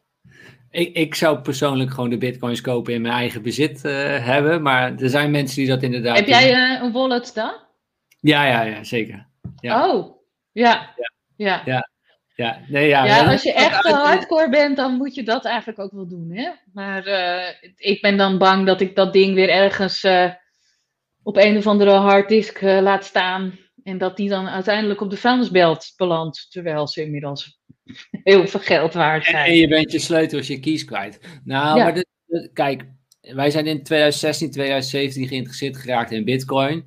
Eh, op dat moment was het echt wel lastig om Bitcoins te kopen. Weet je, ik had eh, buitenlandse rekeningen nodig, moest bij buitenlandse exchanges. Ik wist niet of ik ze kon vertrouwen. Eh, dat vond ik echt wel ja, gedurfd en lastig. Tegenwoordig is dat echt niet meer. Dat, dat leggen we ook uit in de Bitcoin videohandleiding. Je hebt gewoon bijvoorbeeld Nederlandse partijen waar wij bij kopen. Super transparant. En je kunt er dan voor kiezen om je bitcoins te laten staan in een hosted wallet. Dus dan wordt het door, dat, door een derde partij wordt het in de hosted wallet Ja. staat het. Of je zet het van die hosted wallet naar jouw hardware wallet. Wat ik ook inderdaad thuis heb liggen, zo'n zo'n hardware wallet eh, dingetje. En dan zet je het daarop. Maar dit is wel, ja, dit is wel 2021 stijl, zeg maar. Gewoon een fijne website, goed te beheren, allemaal. Dat, eh, ik denk dat ik de Binkbank moeilijker vind, zeg maar, dan de bitcoins eh, kopen. Dus mijn aandelen bij de Binkbank vond ik lastiger dan de, de bitcoins eh, te Ja. kopen tegenwoordig. Ja, nou ja, ik, ik heb zo gewoon een rekening.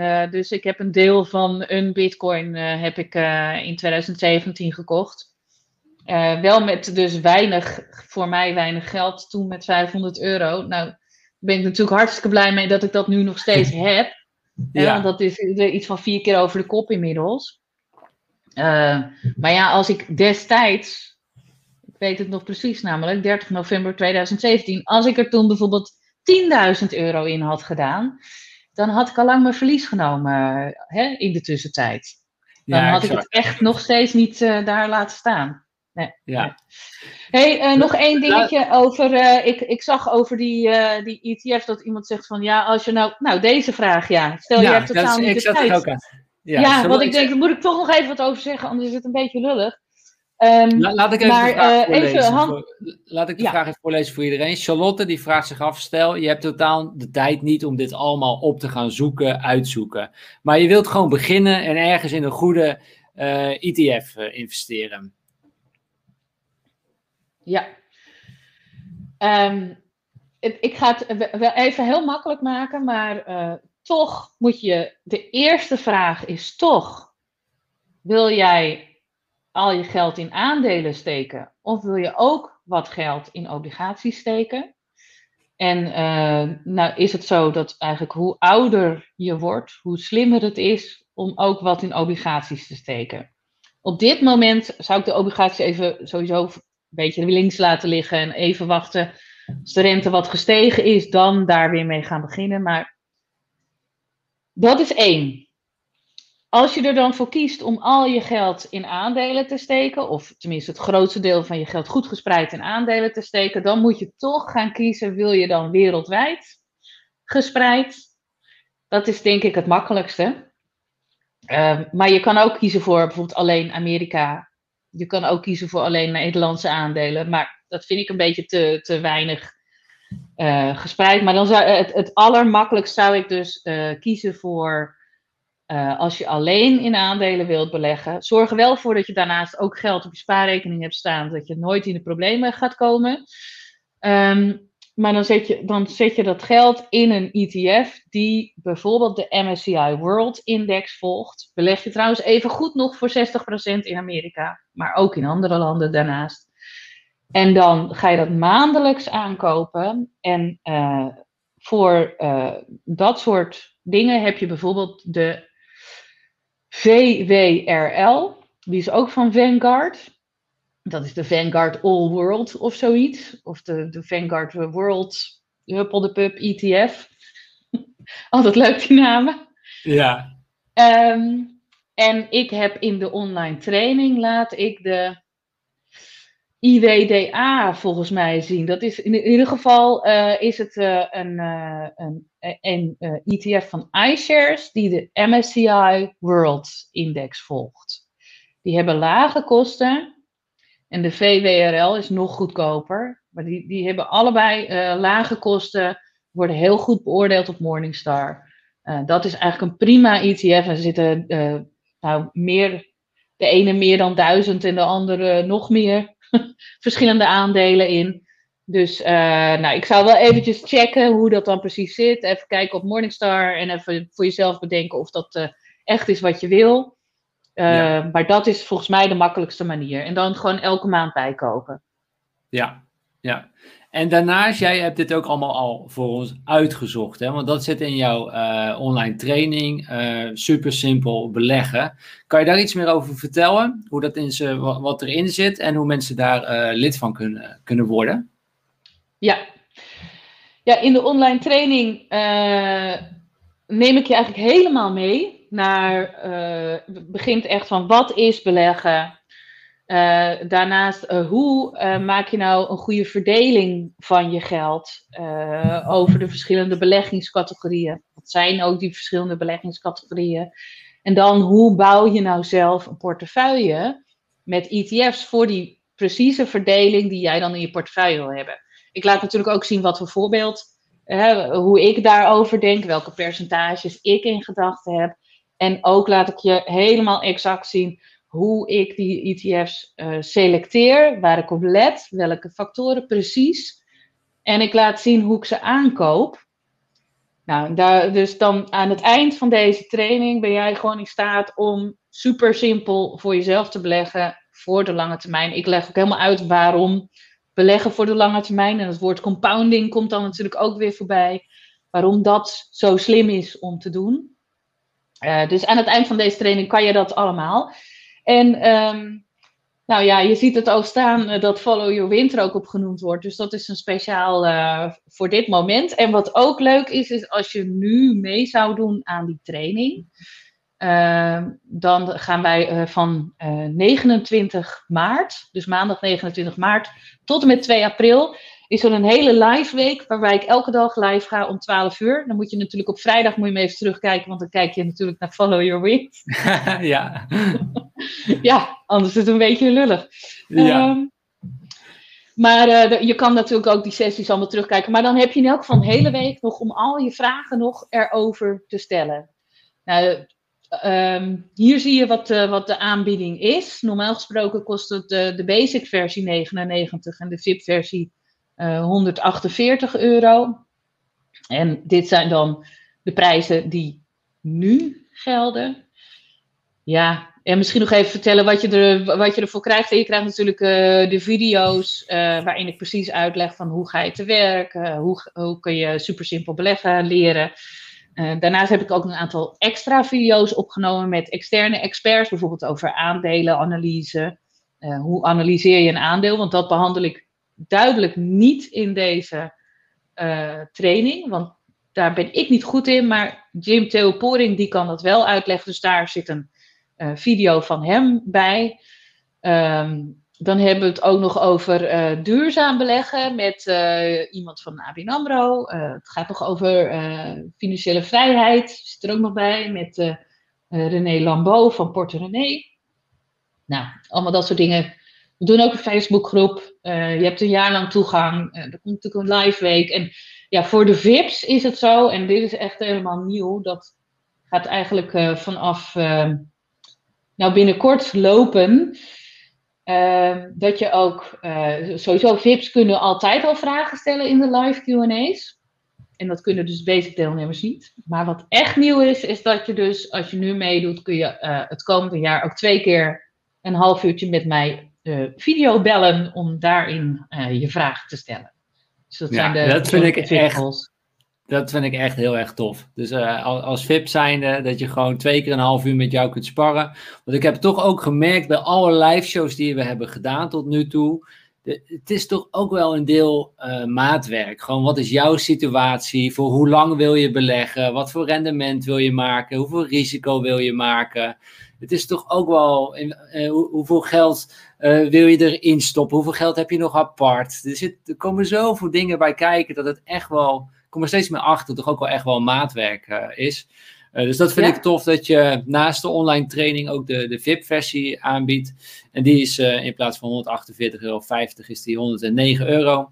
Is een eenmalig bedrag, heb je een jaar lang toegang en twee keer een gesprek met, met jou. En de bedragen zijn inclusief BTW, hè? Ja, inclusief BTW, want ik heb er zelf altijd zo'n hekel aan. Dan denk ik, oh, leuke prijs. En dan klik ik op een knopje en dan uh, klats, komt er nog weer BTW over. Dat vind ik dan altijd, nou ja. Dus ik dacht, ik doe het inclusief BTW. Ja, en, en hiermee krijgen ze ook precies welke ETF jij hebt gekocht en waar jij in zit. Uh, dat hou je ook bij nog per maand? Of uh, hoe, hoe, hoe, moet ik dat zien? nee, dat, dat staat wel op mijn lijstje. Kijk, ik beleg daar zelf in.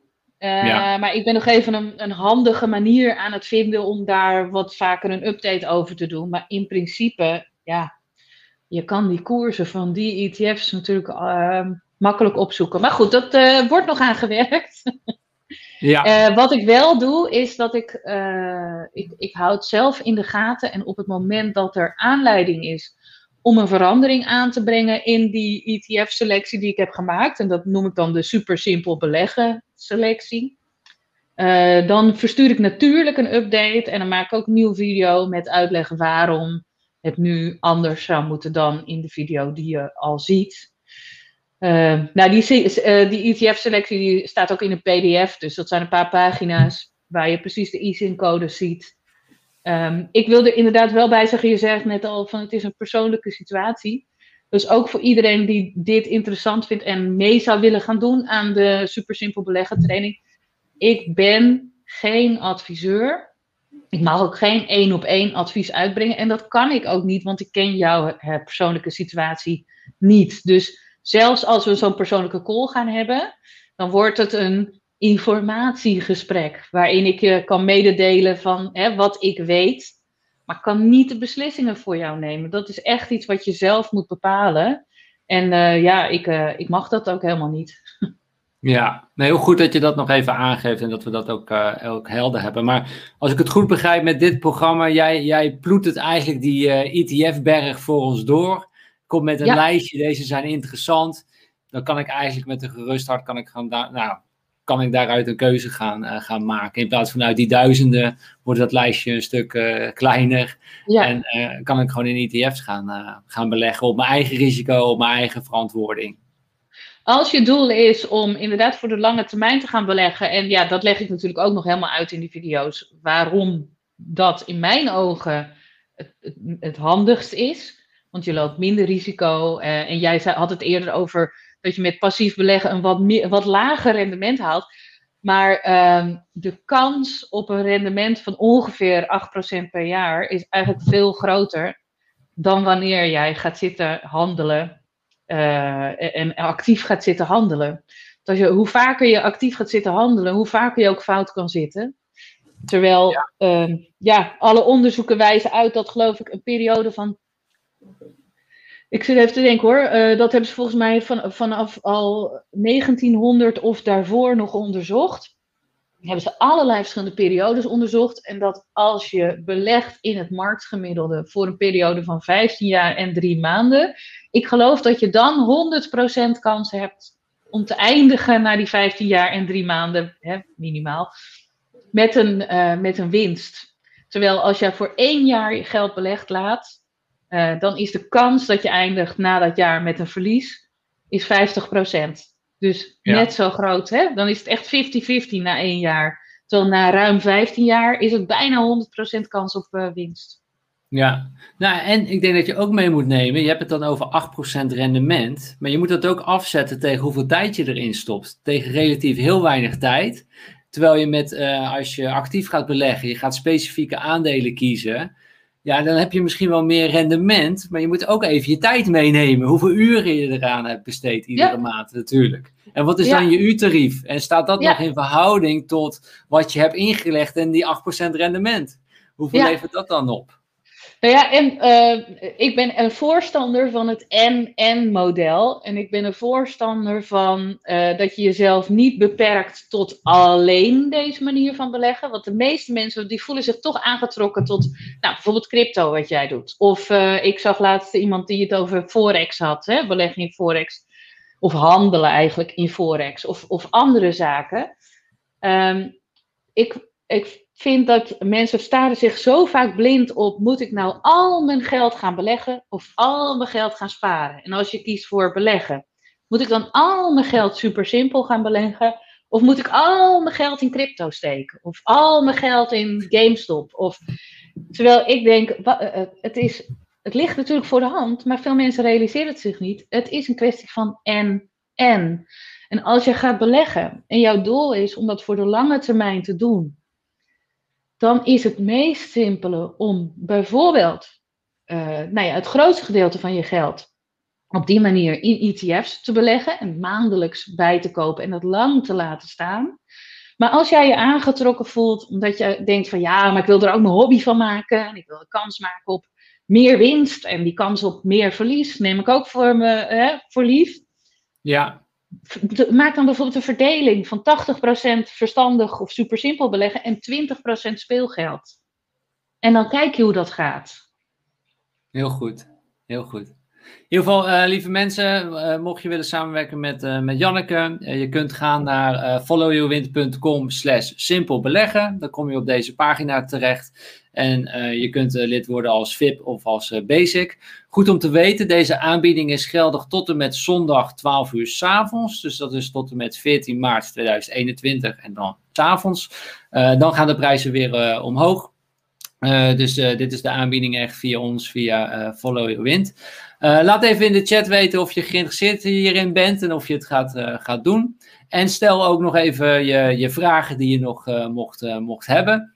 We doen een laatste ronde vragen, dus het is ook je laatste kans om, om vragen te stellen. Stel die even in de chat, ook als ik jouw vraag nog niet gesteld heb, herhaal hem nog eventjes in de chat. Dat is even iets makkelijker voor mij voor in het overzicht.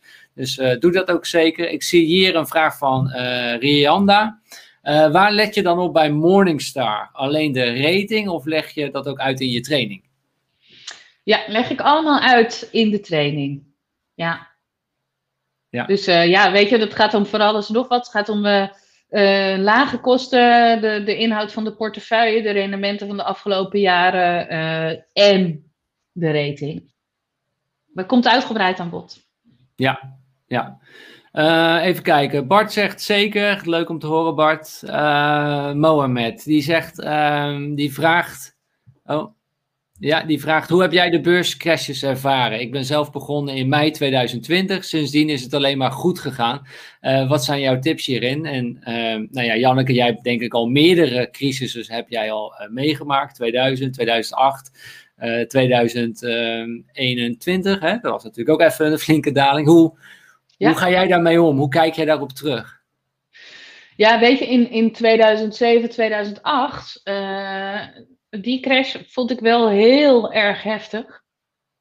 En uh, toen belegde ik ook wel, maar dat beleggen mocht eigenlijk geen naam hebben, want ik zat toen met uh, 300 euro, 500 euro een beetje te, te pielen. Uh, en dat ja, was voor mij op dat moment niet, deed niet heel veel pijn, maar ik dacht toen wel even dat de wereld aan het vergaan was. Toen heb ik wel gedacht, het financiële systeem bestaat straks niet meer. Maar dat is daarna eigenlijk nooit meer volgekomen. En dat heeft me misschien wel gehard ook. Um, dat, ik, ik heb het toen zelf echt, weet van wij zaten de hele dag dat nieuws te volgen van die kredietcrisis. En uh, uiteindelijk heb ik daar wel van geleerd van, um, dat je uit moet zoomen als je zelf aan het beleggen bent. heb ik ook van alle andere uh, dips van de afgelopen jaren uh, gehad. Het voelt op het moment altijd heel heftig. Maar als jij weet dat je je geld goed gespreid hebt over verschillende sectoren, hoef je eigenlijk niets te doen. En uh, dat heb ik vorig jaar heb ik niets gedaan. Achteraf had ik natuurlijk in maart moeten bijkopen. Ja, ja. maar ja, toen zag ik ook dat mijn portefeuille, ja, die klapte onderuit. Ik geloof dat ik op een gegeven moment wel uh, 10.000, 15.000 euro, uh, nou ja, tussen aanhalingstekens kwijt was. Dan, dan zie je dat, van oh jee, ik begon dit jaar op zoveel, ik sta nu 10.000 euro lager. En dan wordt het wel, uh, ja, het wordt wel spannend. Maar ik probeer dan te focussen op de lange termijn. Mijn doel is dat ik met dit geld, dit geld uh, iets ga doen met een aanvulling van mijn pensioen. In ieder geval, wat ik, de, wat ik er precies mee ga doen is uh, nog niet helemaal duidelijk, maar wel dat ik dat pas rond vanaf mijn 67ste ergens voor wil gaan gebruiken. En omdat ik nog zo'n lange horizon heb, uh, denk ik, ja, inmiddels weet ik, onderzoek heeft uitgewezen dat op de lange termijn beurzen eigenlijk altijd stijgen, beursgemiddelde. Dus als je geld ook goed gespreid is uh, over verschillende beleggingen, dan komt het meestal wel weer goed. Ja, nou ik vind het ook wel interessant met die ETF's, is dat je gewoon de, de wereldeconomie kunt, uh, kunt volgen. En dat is natuurlijk waar we allemaal gebaat bij zijn en waar ook ja, de financiële instellingen zich op richten, is om telkens die economie weer te stimuleren en dat door te laten, uh, laten gaan. Ja, daar ga je dus dan, denk ik, automatisch op mee met die ETF's, met dat mandje wereldeconomie. Ja, ja. En, ja, en anders, als het helemaal ooit een keer helemaal misgaat, ja, dan zit iedereen in het mandje eigenlijk. Dan, maar dan, dan voel je het ook buiten je aandelenportefeuille, voel je het ook. Dan is er ook geen werkgelegenheid of is er geen werk, dat draait de economie niet, zo zeg maar. Nee. Dan, Nee, en heel veel mensen hebben natuurlijk bij de afgelopen crash, um, en dan heb ik het over die van, van maart 2020, toen we plotseling toch echt in een corona-epidemie bleken te, te zitten. Heel veel mensen hebben dat moment aangegrepen om bij te kopen. En dat vond ik heel erg uh, stoer. Een van de redenen waarom ik het niet gedaan heb, is ook omdat ik dacht: ja, hoe ga ik dit verklaren naar de lezers van mijn blog toe? En iets anders is dat ik was gewoon, uh, ik, ik vond het te spannend. Ik uh, vond dat er te weinig duidelijk was over wanneer komen we hier weer uit en komen we hier ooit nog uit.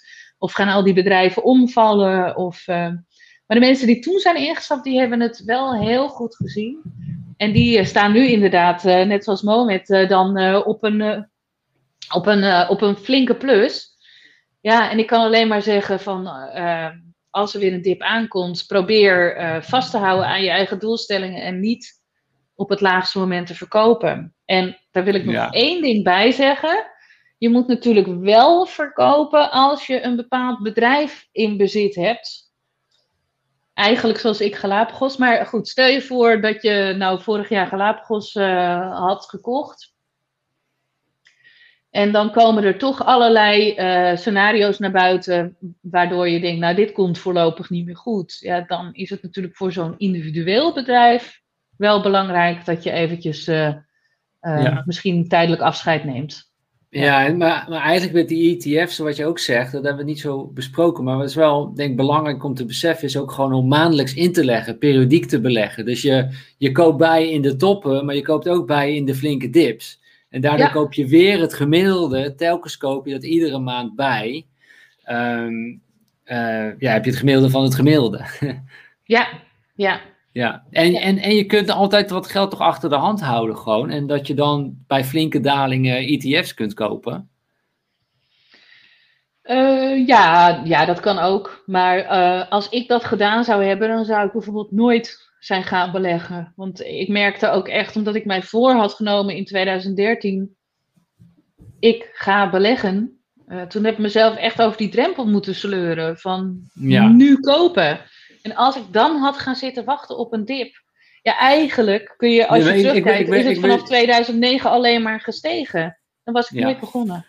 Ja, nee, ik bedoel dan uh, en periodiek beleggen. En uh, als je ziet in de koersdaling, er is een 20%, ik koop bij gewoon. Zo, je weet nooit, je weet nooit wat de, de, wat de bottom, je weet nooit wat de, uh, het laagste niveau is. Dat, dat kun je niet inschatten. Uh, dit is ook een interessante vraag van Adinda. Uh, ze vraagt zich af, ja, wat met een kortere horizon, zeg maar 10 jaar? Of je bent nu pensionada, zoals mijn vader bijvoorbeeld. Ja, ik zie het, ja. Ja, 10 tot 15 jaar. Je vader Roeit, roert zich weer. Ja, mijn vader die roert uh, zich weer inderdaad uh, in de, in de live show. Maar, en hier, Marion vraagt zich ook af, uh, ja, wat bij 10 tot 15 jaar? Ehm, ik denk dat de vraag is van, wat zou je dan doen? Is het dan ook interessant om in de ITS te beleggen? Of zou je iets anders gaan doen als je, je horizon 10 tot 15 jaar is?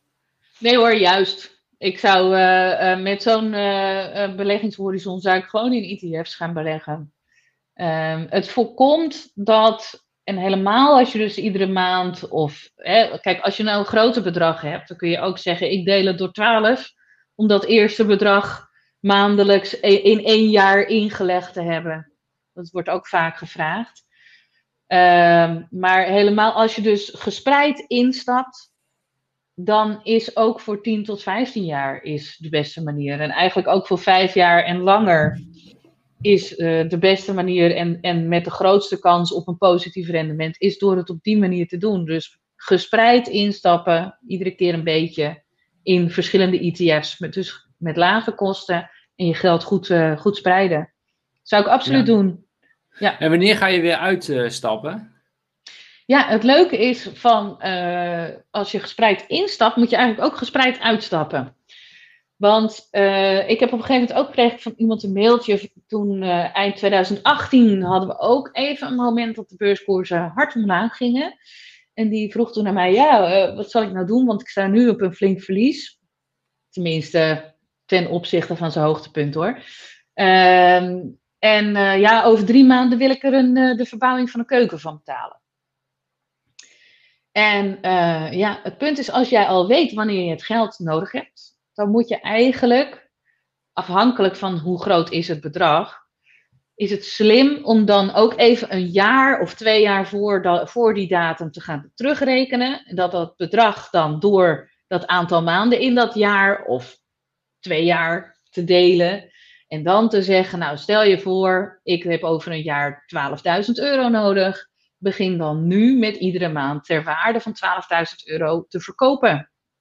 Want op die manier weet je zeker. Een, uh, maanddeel, zeg maar. Stel dat dat in een jaar tijd is 1 twaalfde, 1 tiende, uh, 1 twaalfde. 1000 euro per maand eruit halen. Ja, sorry. Ja, een, ja, ja. ja. ja, ik zei het weer verkeerd.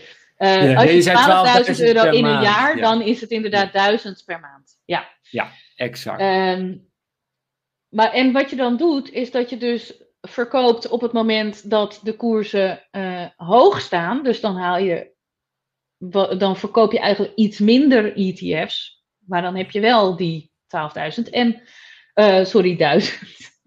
ja, let op.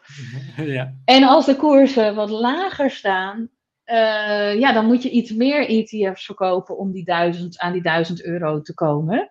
Maar ook op die manier middel je eigenlijk weer de koers en blijf je profiteren als de koersen verder stijgen. Maar als de koersen dalen, weet je ook dat je niet te laat bent geweest met verkopen. Je dwingt jezelf om ongeacht je eigen gevoel en glazen bol idee van ik weet dat dit is een dip, maar binnenkort gaan we vaststijgen.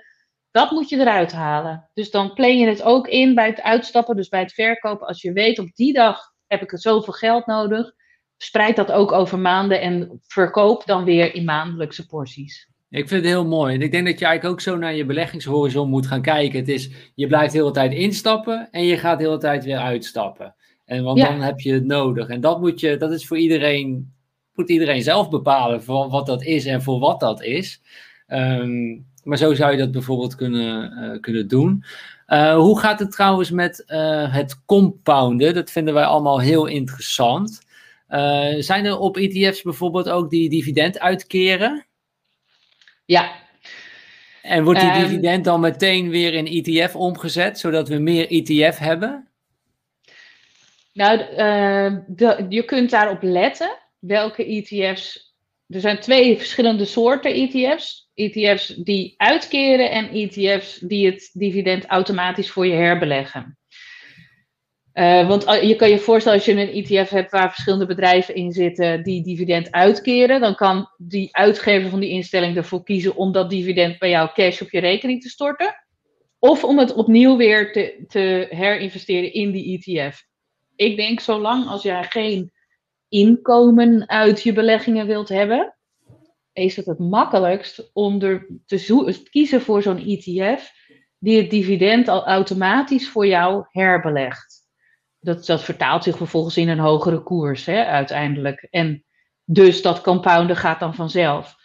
En een dividend die uh, opnieuw, dus alle dividend, of een, een ETF die het dividend voor jou herbelegt, die is te herkennen aan ACC daarachter van accumulative.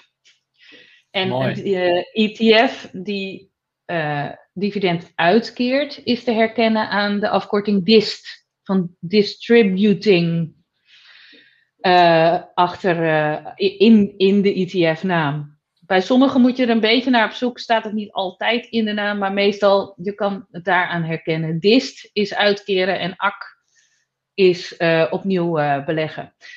Eén ding daarover, voordeel van de ETF zelf, het voor je opnieuw laten beleggen, is natuurlijk dat je transactiekosten uitspaart. Uh, want jij hoeft dan niet elke keer weer, oh, ik heb weer geld, ik moet het weer opnieuw uitkeren. Maar als jij zegt van, ik uh, heb zoveel geld al op een rekening staan en ik wil eigenlijk van het dividend dat ieder kwartaal wordt uitgekeerd, wil ik gaan leven, uh, dan is het weer makkelijker om voor een DIST ETF te kiezen. Want dan krijg je gewoon het contante geld op je rekening. Dan hoef je alleen nog maar het contante geld over te schrijven naar jouw uh, betaalrekening. Om en dan heb je een extraatje per maand om van te leven, inderdaad. Zonder dat je vermogen achteruit gaat. Ja. ja. Heel interessant. Mooi, mooi, mooi uitgelegd, die twee verschillende ETF's die we, die we hebben. Adinda die zegt, uh, thanks, ik ga de cursus doen. Leuk om te horen, Adinda. Welkom. Um, JW vraagt zich nog af, hoe denk je over aandelen die nog geen ideeën dromen zijn, zonder nog bewezen resultaat, zoals Nicola? Ja, uh, dat is een gokje. ja, dat, dat, dat, is denk ik het goede antwoord. ja, uh, even, zou ik doen met een klein deel van je portefeuille, als je dat leuk vindt. Ja, ja. Uh, Johanna vraagt nog: wat is een goede broker om te beginnen met beleggen? Uh, voor wel, zowel Nederlandse als buitenlandse aandelen. Ja. Um, die vraag, ik zag dat die ook in de chat veel gesteld ja. wordt. Ja. En uh, ik krijg hem via alle kanalen. Wat is de beste broker? Um, er zijn allerlei verschillende brokers. En het eh, als je heel veel, heel actief gaat handelen, kun je bijvoorbeeld eens kijken naar een partij als links. Heb ik zelf geen ervaring mee. Maar dat is echt voor dat deel, nou ja, voor het snelle handelen uh, enzovoort. Als jij voor de lange termijn wilt gaan beleggen en je wilt dat met ETF's doen, dan is het heel erg belangrijk, en bijvoorbeeld met kleinere bedragen, is het heel erg belangrijk om op je kosten te letten. Want kosten die tellen in de loop van uh, de jaren net zo hard aan als compounding. Dus waar compounding, oftewel het rente-op-rente effect, een soort hè, uh, oplopende curve is, dus een soort, uh, ja, een soort skischans, krijg je bij kosten, heeft hetzelfde effect in de loop van de jaren, maar dat is dan een soort sneeuwbaleffect, een soort lawine. Want, dat wil je eigenlijk niet hebben. Ja.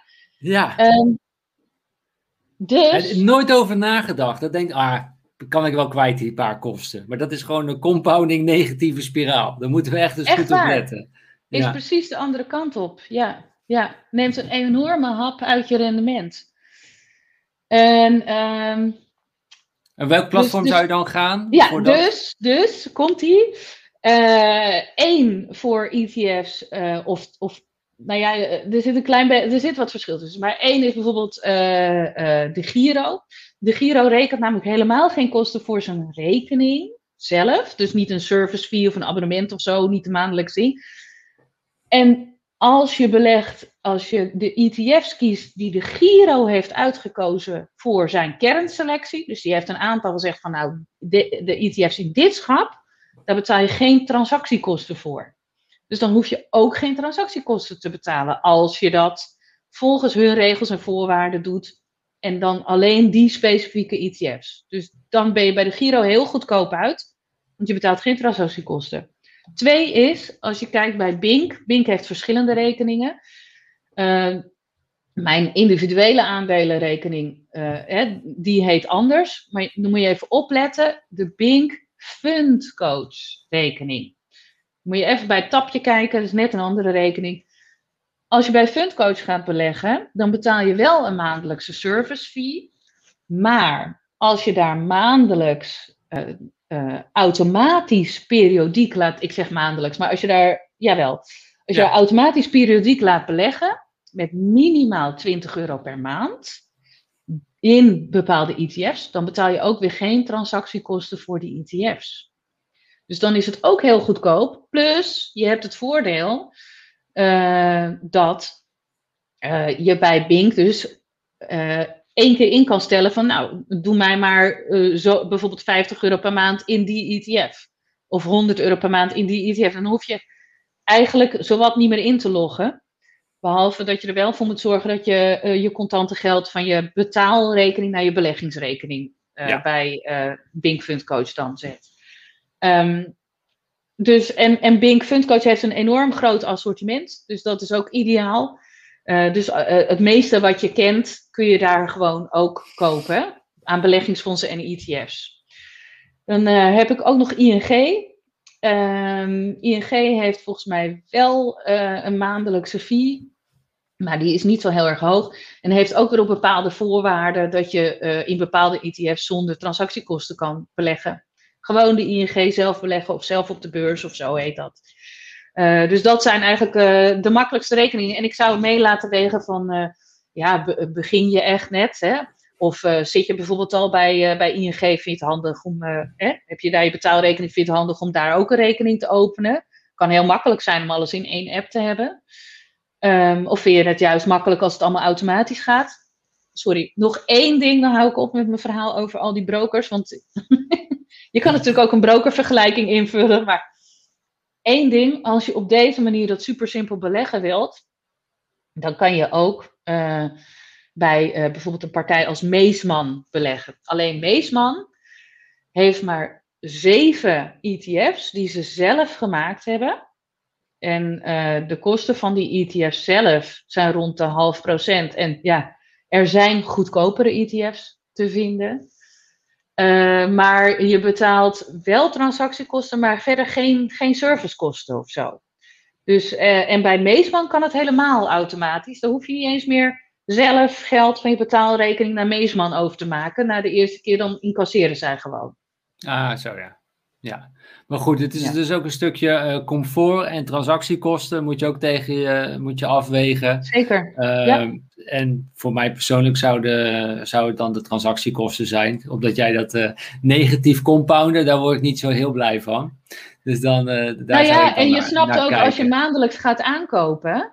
En je moet elke maand weer transactiekosten betalen. Ja. Dat betekent dat er elke keer, stel dat je van 100 euro 2 euro transactiekosten zou moeten betalen. Uh, nou ja, of wat meer. Maar goed, dan wordt er elke keer dus een beetje van je inleg afgeknabbeld. Elke maand weer.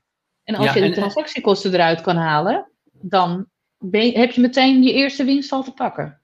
En hoe kijk jij naar een platform als Bux bijvoorbeeld? Dat is een, volgens mij een mobiele app. Bux is Bux voor blondjes, is voor blondjes. vind ik. uh, ja, Kijk, ik, uh, ik vind Bugs een heel leuk uh, platform. Um, en ze hebben een bepaalde tone of voice. En daar kan je van houden. En uh, um, ja, weet je, het gaat wel om Bugs Zero dan. Want dan, daar heb je ook daadwerkelijk dat je echt in aandelen kan beleggen. En, want dat andere bugs, dat is met CFD's, dat zijn weer afgeleiden van, van aandelen. Ja, kan je leuk vinden. Ik vind zelf, um, klinkt een beetje stom, in het, of misschien, ik bedoel, zo bedoel ik het niet, maar, maar het spreekt mij, mij niet zo aan. Ik wil liever iets, ja, wat, wat, misschien is het mijn leeftijd of zo, de tone of voice. Um, dus ja, ik kan, ik kan er niet heel goed over oordelen. Ik ken de, de oprichter wel. En ik vind het verder een hele leuke club. Dus als daar je voor kunnen uitgaat, dan, uh, dan kan dat. Maar ik denk dat voor echt, uh, als je dus maandelijks in ETF's wilt beleggen, dan zou ik dat bij een andere rekening doen dan, uh, dan bij Bux. En vanwege transactiekosten? Ja, die heb ik niet helemaal op mijn netvlies. Ik weet namelijk niet of zij wel überhaupt ETF's aanbieden. Ja, ja, of alleen maar losse aandelen. Nou goed, dat is iets wat uh, we als kijker natuurlijk zelf ook even onderzoek kunnen doen. Gewoon uh, leg even alles op een rijtje en kijk naar de transactiekosten als je dat belangrijk vindt. En kijk naar comfort, hoe belangrijk je dat vindt. En dan kun je een mooie vergelijking al uit deze maken, uit de Giro, uit Bucks, uit ING. En welke noem je? En de Bink Fundcoach. dan heb je de, hoef je nog maar een paar te onderzoeken en kun je je eigen keuze maken. En volgens mij zegt Elma dat het 29 eh, ETF's eh, kent. Ik denk dat ze dat bedoelt met, met 29. Um, ik wil iedereen echt super bedanken weer uh, dat jullie erbij waren voor jullie goede vragen. En natuurlijk uh, ja, Janneke enorm uh, bedanken. we zitten toch weer bijna tegen de twee uur, Janneke. We hadden het van tevoren ja. er nog over. Ik zei nee, dat lukt wel in een uur, anderhalf uur. Nou, het is, we zitten bijna tegen de twee uur. super bedankt Janneke voor je, voor je uitleg ja, jouw verhaal, jouw Follow Your Wind verhaal en uh, ja, jouw, jouw, jouw kennis die je hebt gedeeld op dit gebied van uh, het actief en het passief uh, beleggen. Superleuk. Ik zag dat meneer of mevrouw Rover, die, die stapt ook in. Die zegt ook, ik ga me aanmelden. Dus oh, superleuk. Ja, uh, dus mocht je geïnteresseerd zijn, followyourwind.com slash simpel beleggen. De aanbieding geldt tot en met deze zondag 14 maart 12 uur s avonds. Kun je met voordeel instappen. Het VIP-programma, daar zitten dus ook twee persoonlijke calls van een half uur bij met, met, uh, met Janneke. En je hebt ook het basic uh, programma. zie de website voor de prijzen, de inhoud en maak je keuze. Volgende week zijn we ook weer uh, live met een nieuwe Follow Your Wind uh, live show. En ik, ik, zit op mijn iPad te klikken, maar die is uitgevallen. maar dan doe ik het even uit mijn hoofd. Volgende week speciale gast. En let op, dit keer niet op 12 uur, maar om 8 uur s avonds. 8 uur s avonds Nederlandse tijd. Dat heeft te maken dat onze gast zit en woont in Canada. Dus wie hebben we uitgenodigd voor jullie? Dat is uh, Mark van der Chais. En hij heeft de Chinese YouTube opgezet. Uh, die heeft hij uiteindelijk voor 4,3 miljard euro verkocht aan Alibaba. Hij zou eigenlijk met uh, pensioen gaan, maar kon toch niet stilzitten. En is daar, daarom een, een bitcoin mining bedrijf gestart in Canada. En dat is ook waarom hij in Canada woont op dit moment. Uh, dus uh, hij is bij ons in de live show. Hij komt ons uh, bijpraten over zijn ondernemerschap. Hoe hij eh, zijn eigen wind heeft gevolgd. Naar China is gegaan. Heel indrukwekkend verhaal. en ook hoe hij nu in de Bitcoin is gerold. In de Bitcoin mining. We kunnen alles aan, aan hem vragen. Ook over de, de energie van Bitcoin. En het minen. Hoeveel invloed hebben de miners? nou, en allerlei dingen die we willen weten. Dus het belooft weer een hele interessante live show te worden. Maar let op vrijdagavond om 8 uur s'avonds. Volgende week om 8 uur s'avonds. Dan zijn we live uh, met z'n allen. Dus uh, geen The Voice voor jullie of wat er op de Nederlandse televisie is uh, op dit moment. Ik heb werkelijk geen idee. maar wij zijn live. Het zou, ik zou het weer onwijs tof vinden als jullie erbij zijn. dus laten we elkaar daar zien. Janneke, super bedankt. Uh, ja. zegt ook weer, jullie ook weer bedankt. Fijn weekend allemaal. Tof weer je weet dat je erbij was. Daphne, heel erg bedankt. Ik ga meedoen met de cursus. Leuk Daphne. Heel veel succes. Uh, Matthea zegt, jullie ook weer super bedankt. Wordt leuk, vast moment in de week deze live shows. Ja, exact. En nu dus volgende week één keer om acht uur. S'avonds, Nederlandse tijd. Marion, super dank. Echt leuk en informatief. Graag gedaan Marion. Tof dat je erbij was. Tessa, hartstikke, hartstikke bedankt zegt ze. Nou, super. Charlotte, ben weer heel wat wijzer. Bedankt voor alle uitleg allebei. Tot de volgende keer. Ik denk dat dat een mooie is om mee eh, af te sluiten. Oh nee, ik heb nog iets voor je, uh, uh, Janneke. Hou je nog vol, Janneke? voordat, voordat het klaar is, wil ik ook even zeggen van bedankt allemaal voor het kijken. Want ik heb af en toe zo die reacties ook voorbij zien schieten. En je hebt natuurlijk wat in beeld laten zien. Nou, dat was wel hartstikke leuk. En het gesprek met jou natuurlijk, Stijn. Super leuk. Dankjewel. Is gelijk. Leuk om te, te horen. En de reacties gaan nog uh, maar door. Uh, maar als vriend van de show wil ik jou natuurlijk ook graag iets, uh, iets aanbieden, Janneke. Dat is het volgende. Ik wil je graag een Follow Your Wind t-shirt aanbieden. ga er even naartoe. We hebben twee smaakjes. We hebben het Mission Possible sport t-shirt. Of het alledaagse Follow Your Wind t-shirt in verschillende kleuren. Aan jou de eer waar je graag voor wilt, wilt gaan. Oh, doe die Mission Possible maar. Dat vind ik wel leuk. Oké. Okay, wat een leuk wij, idee. Gaan wij, uh, nou, graag gedaan. Gaan wij de Mission Possible, die gaan wij naar jou, uh, naar jou opsturen. En dan uh, wens ik je daar ook heel veel sportplezier in. En um, dat je nog meer, zoals je al doet, je eigen wind blijft volgen. Dat vond ik echt heel tof en vind ik heel erg tof. Dus blijf even hangen, Janneke. En dan tot de volgende keer iedereen weer. Oh ja, Mohamed, heel goed. Ik vergeet alles. Mohamed, als ik jou toch ook niet had, hè, die zegt nog eventjes Instagram momentje. Lukt het nog, Janneke? Wat, oh, uh, foto! We doen altijd een fotomomentje, inderdaad. Ja. Moet mijn boek er nog bij? Nee. Ja, doe je boek erbij, is ook leuk. Uh, aan iedereen, pak even je telefoon, maak een uh, fotootje. En je kunt ons taggen op ap apenstaatje Nicole Stijn, apenstaatje Janneke Willemsen. Uh, iedereen telefoon bij de hand? Uh, Komt-ie? Fotootje? Je mag met je boek doen hoor, wat je hartstikke leuk. Uh, deel, deel de foto even met ons. Apenstaatje Nicole Stijn, apenstaatje Janneke Willemsen. wij, wij delen het ook weer voor je. Leuk dat jullie erbij waren. Dankjewel voor de herinneringen, Mohamed en Nout. Top. Jullie zijn toppers. Adinda zegt nog met plezier gekeken. Iedereen bedankt en tot volgende week weer. 8 uur s'avonds dit keer. Goed opletten, 8 uur s'avonds zijn we er. Blijf nog even hangen, Janneke. Ciao, ciao. Dankjewel.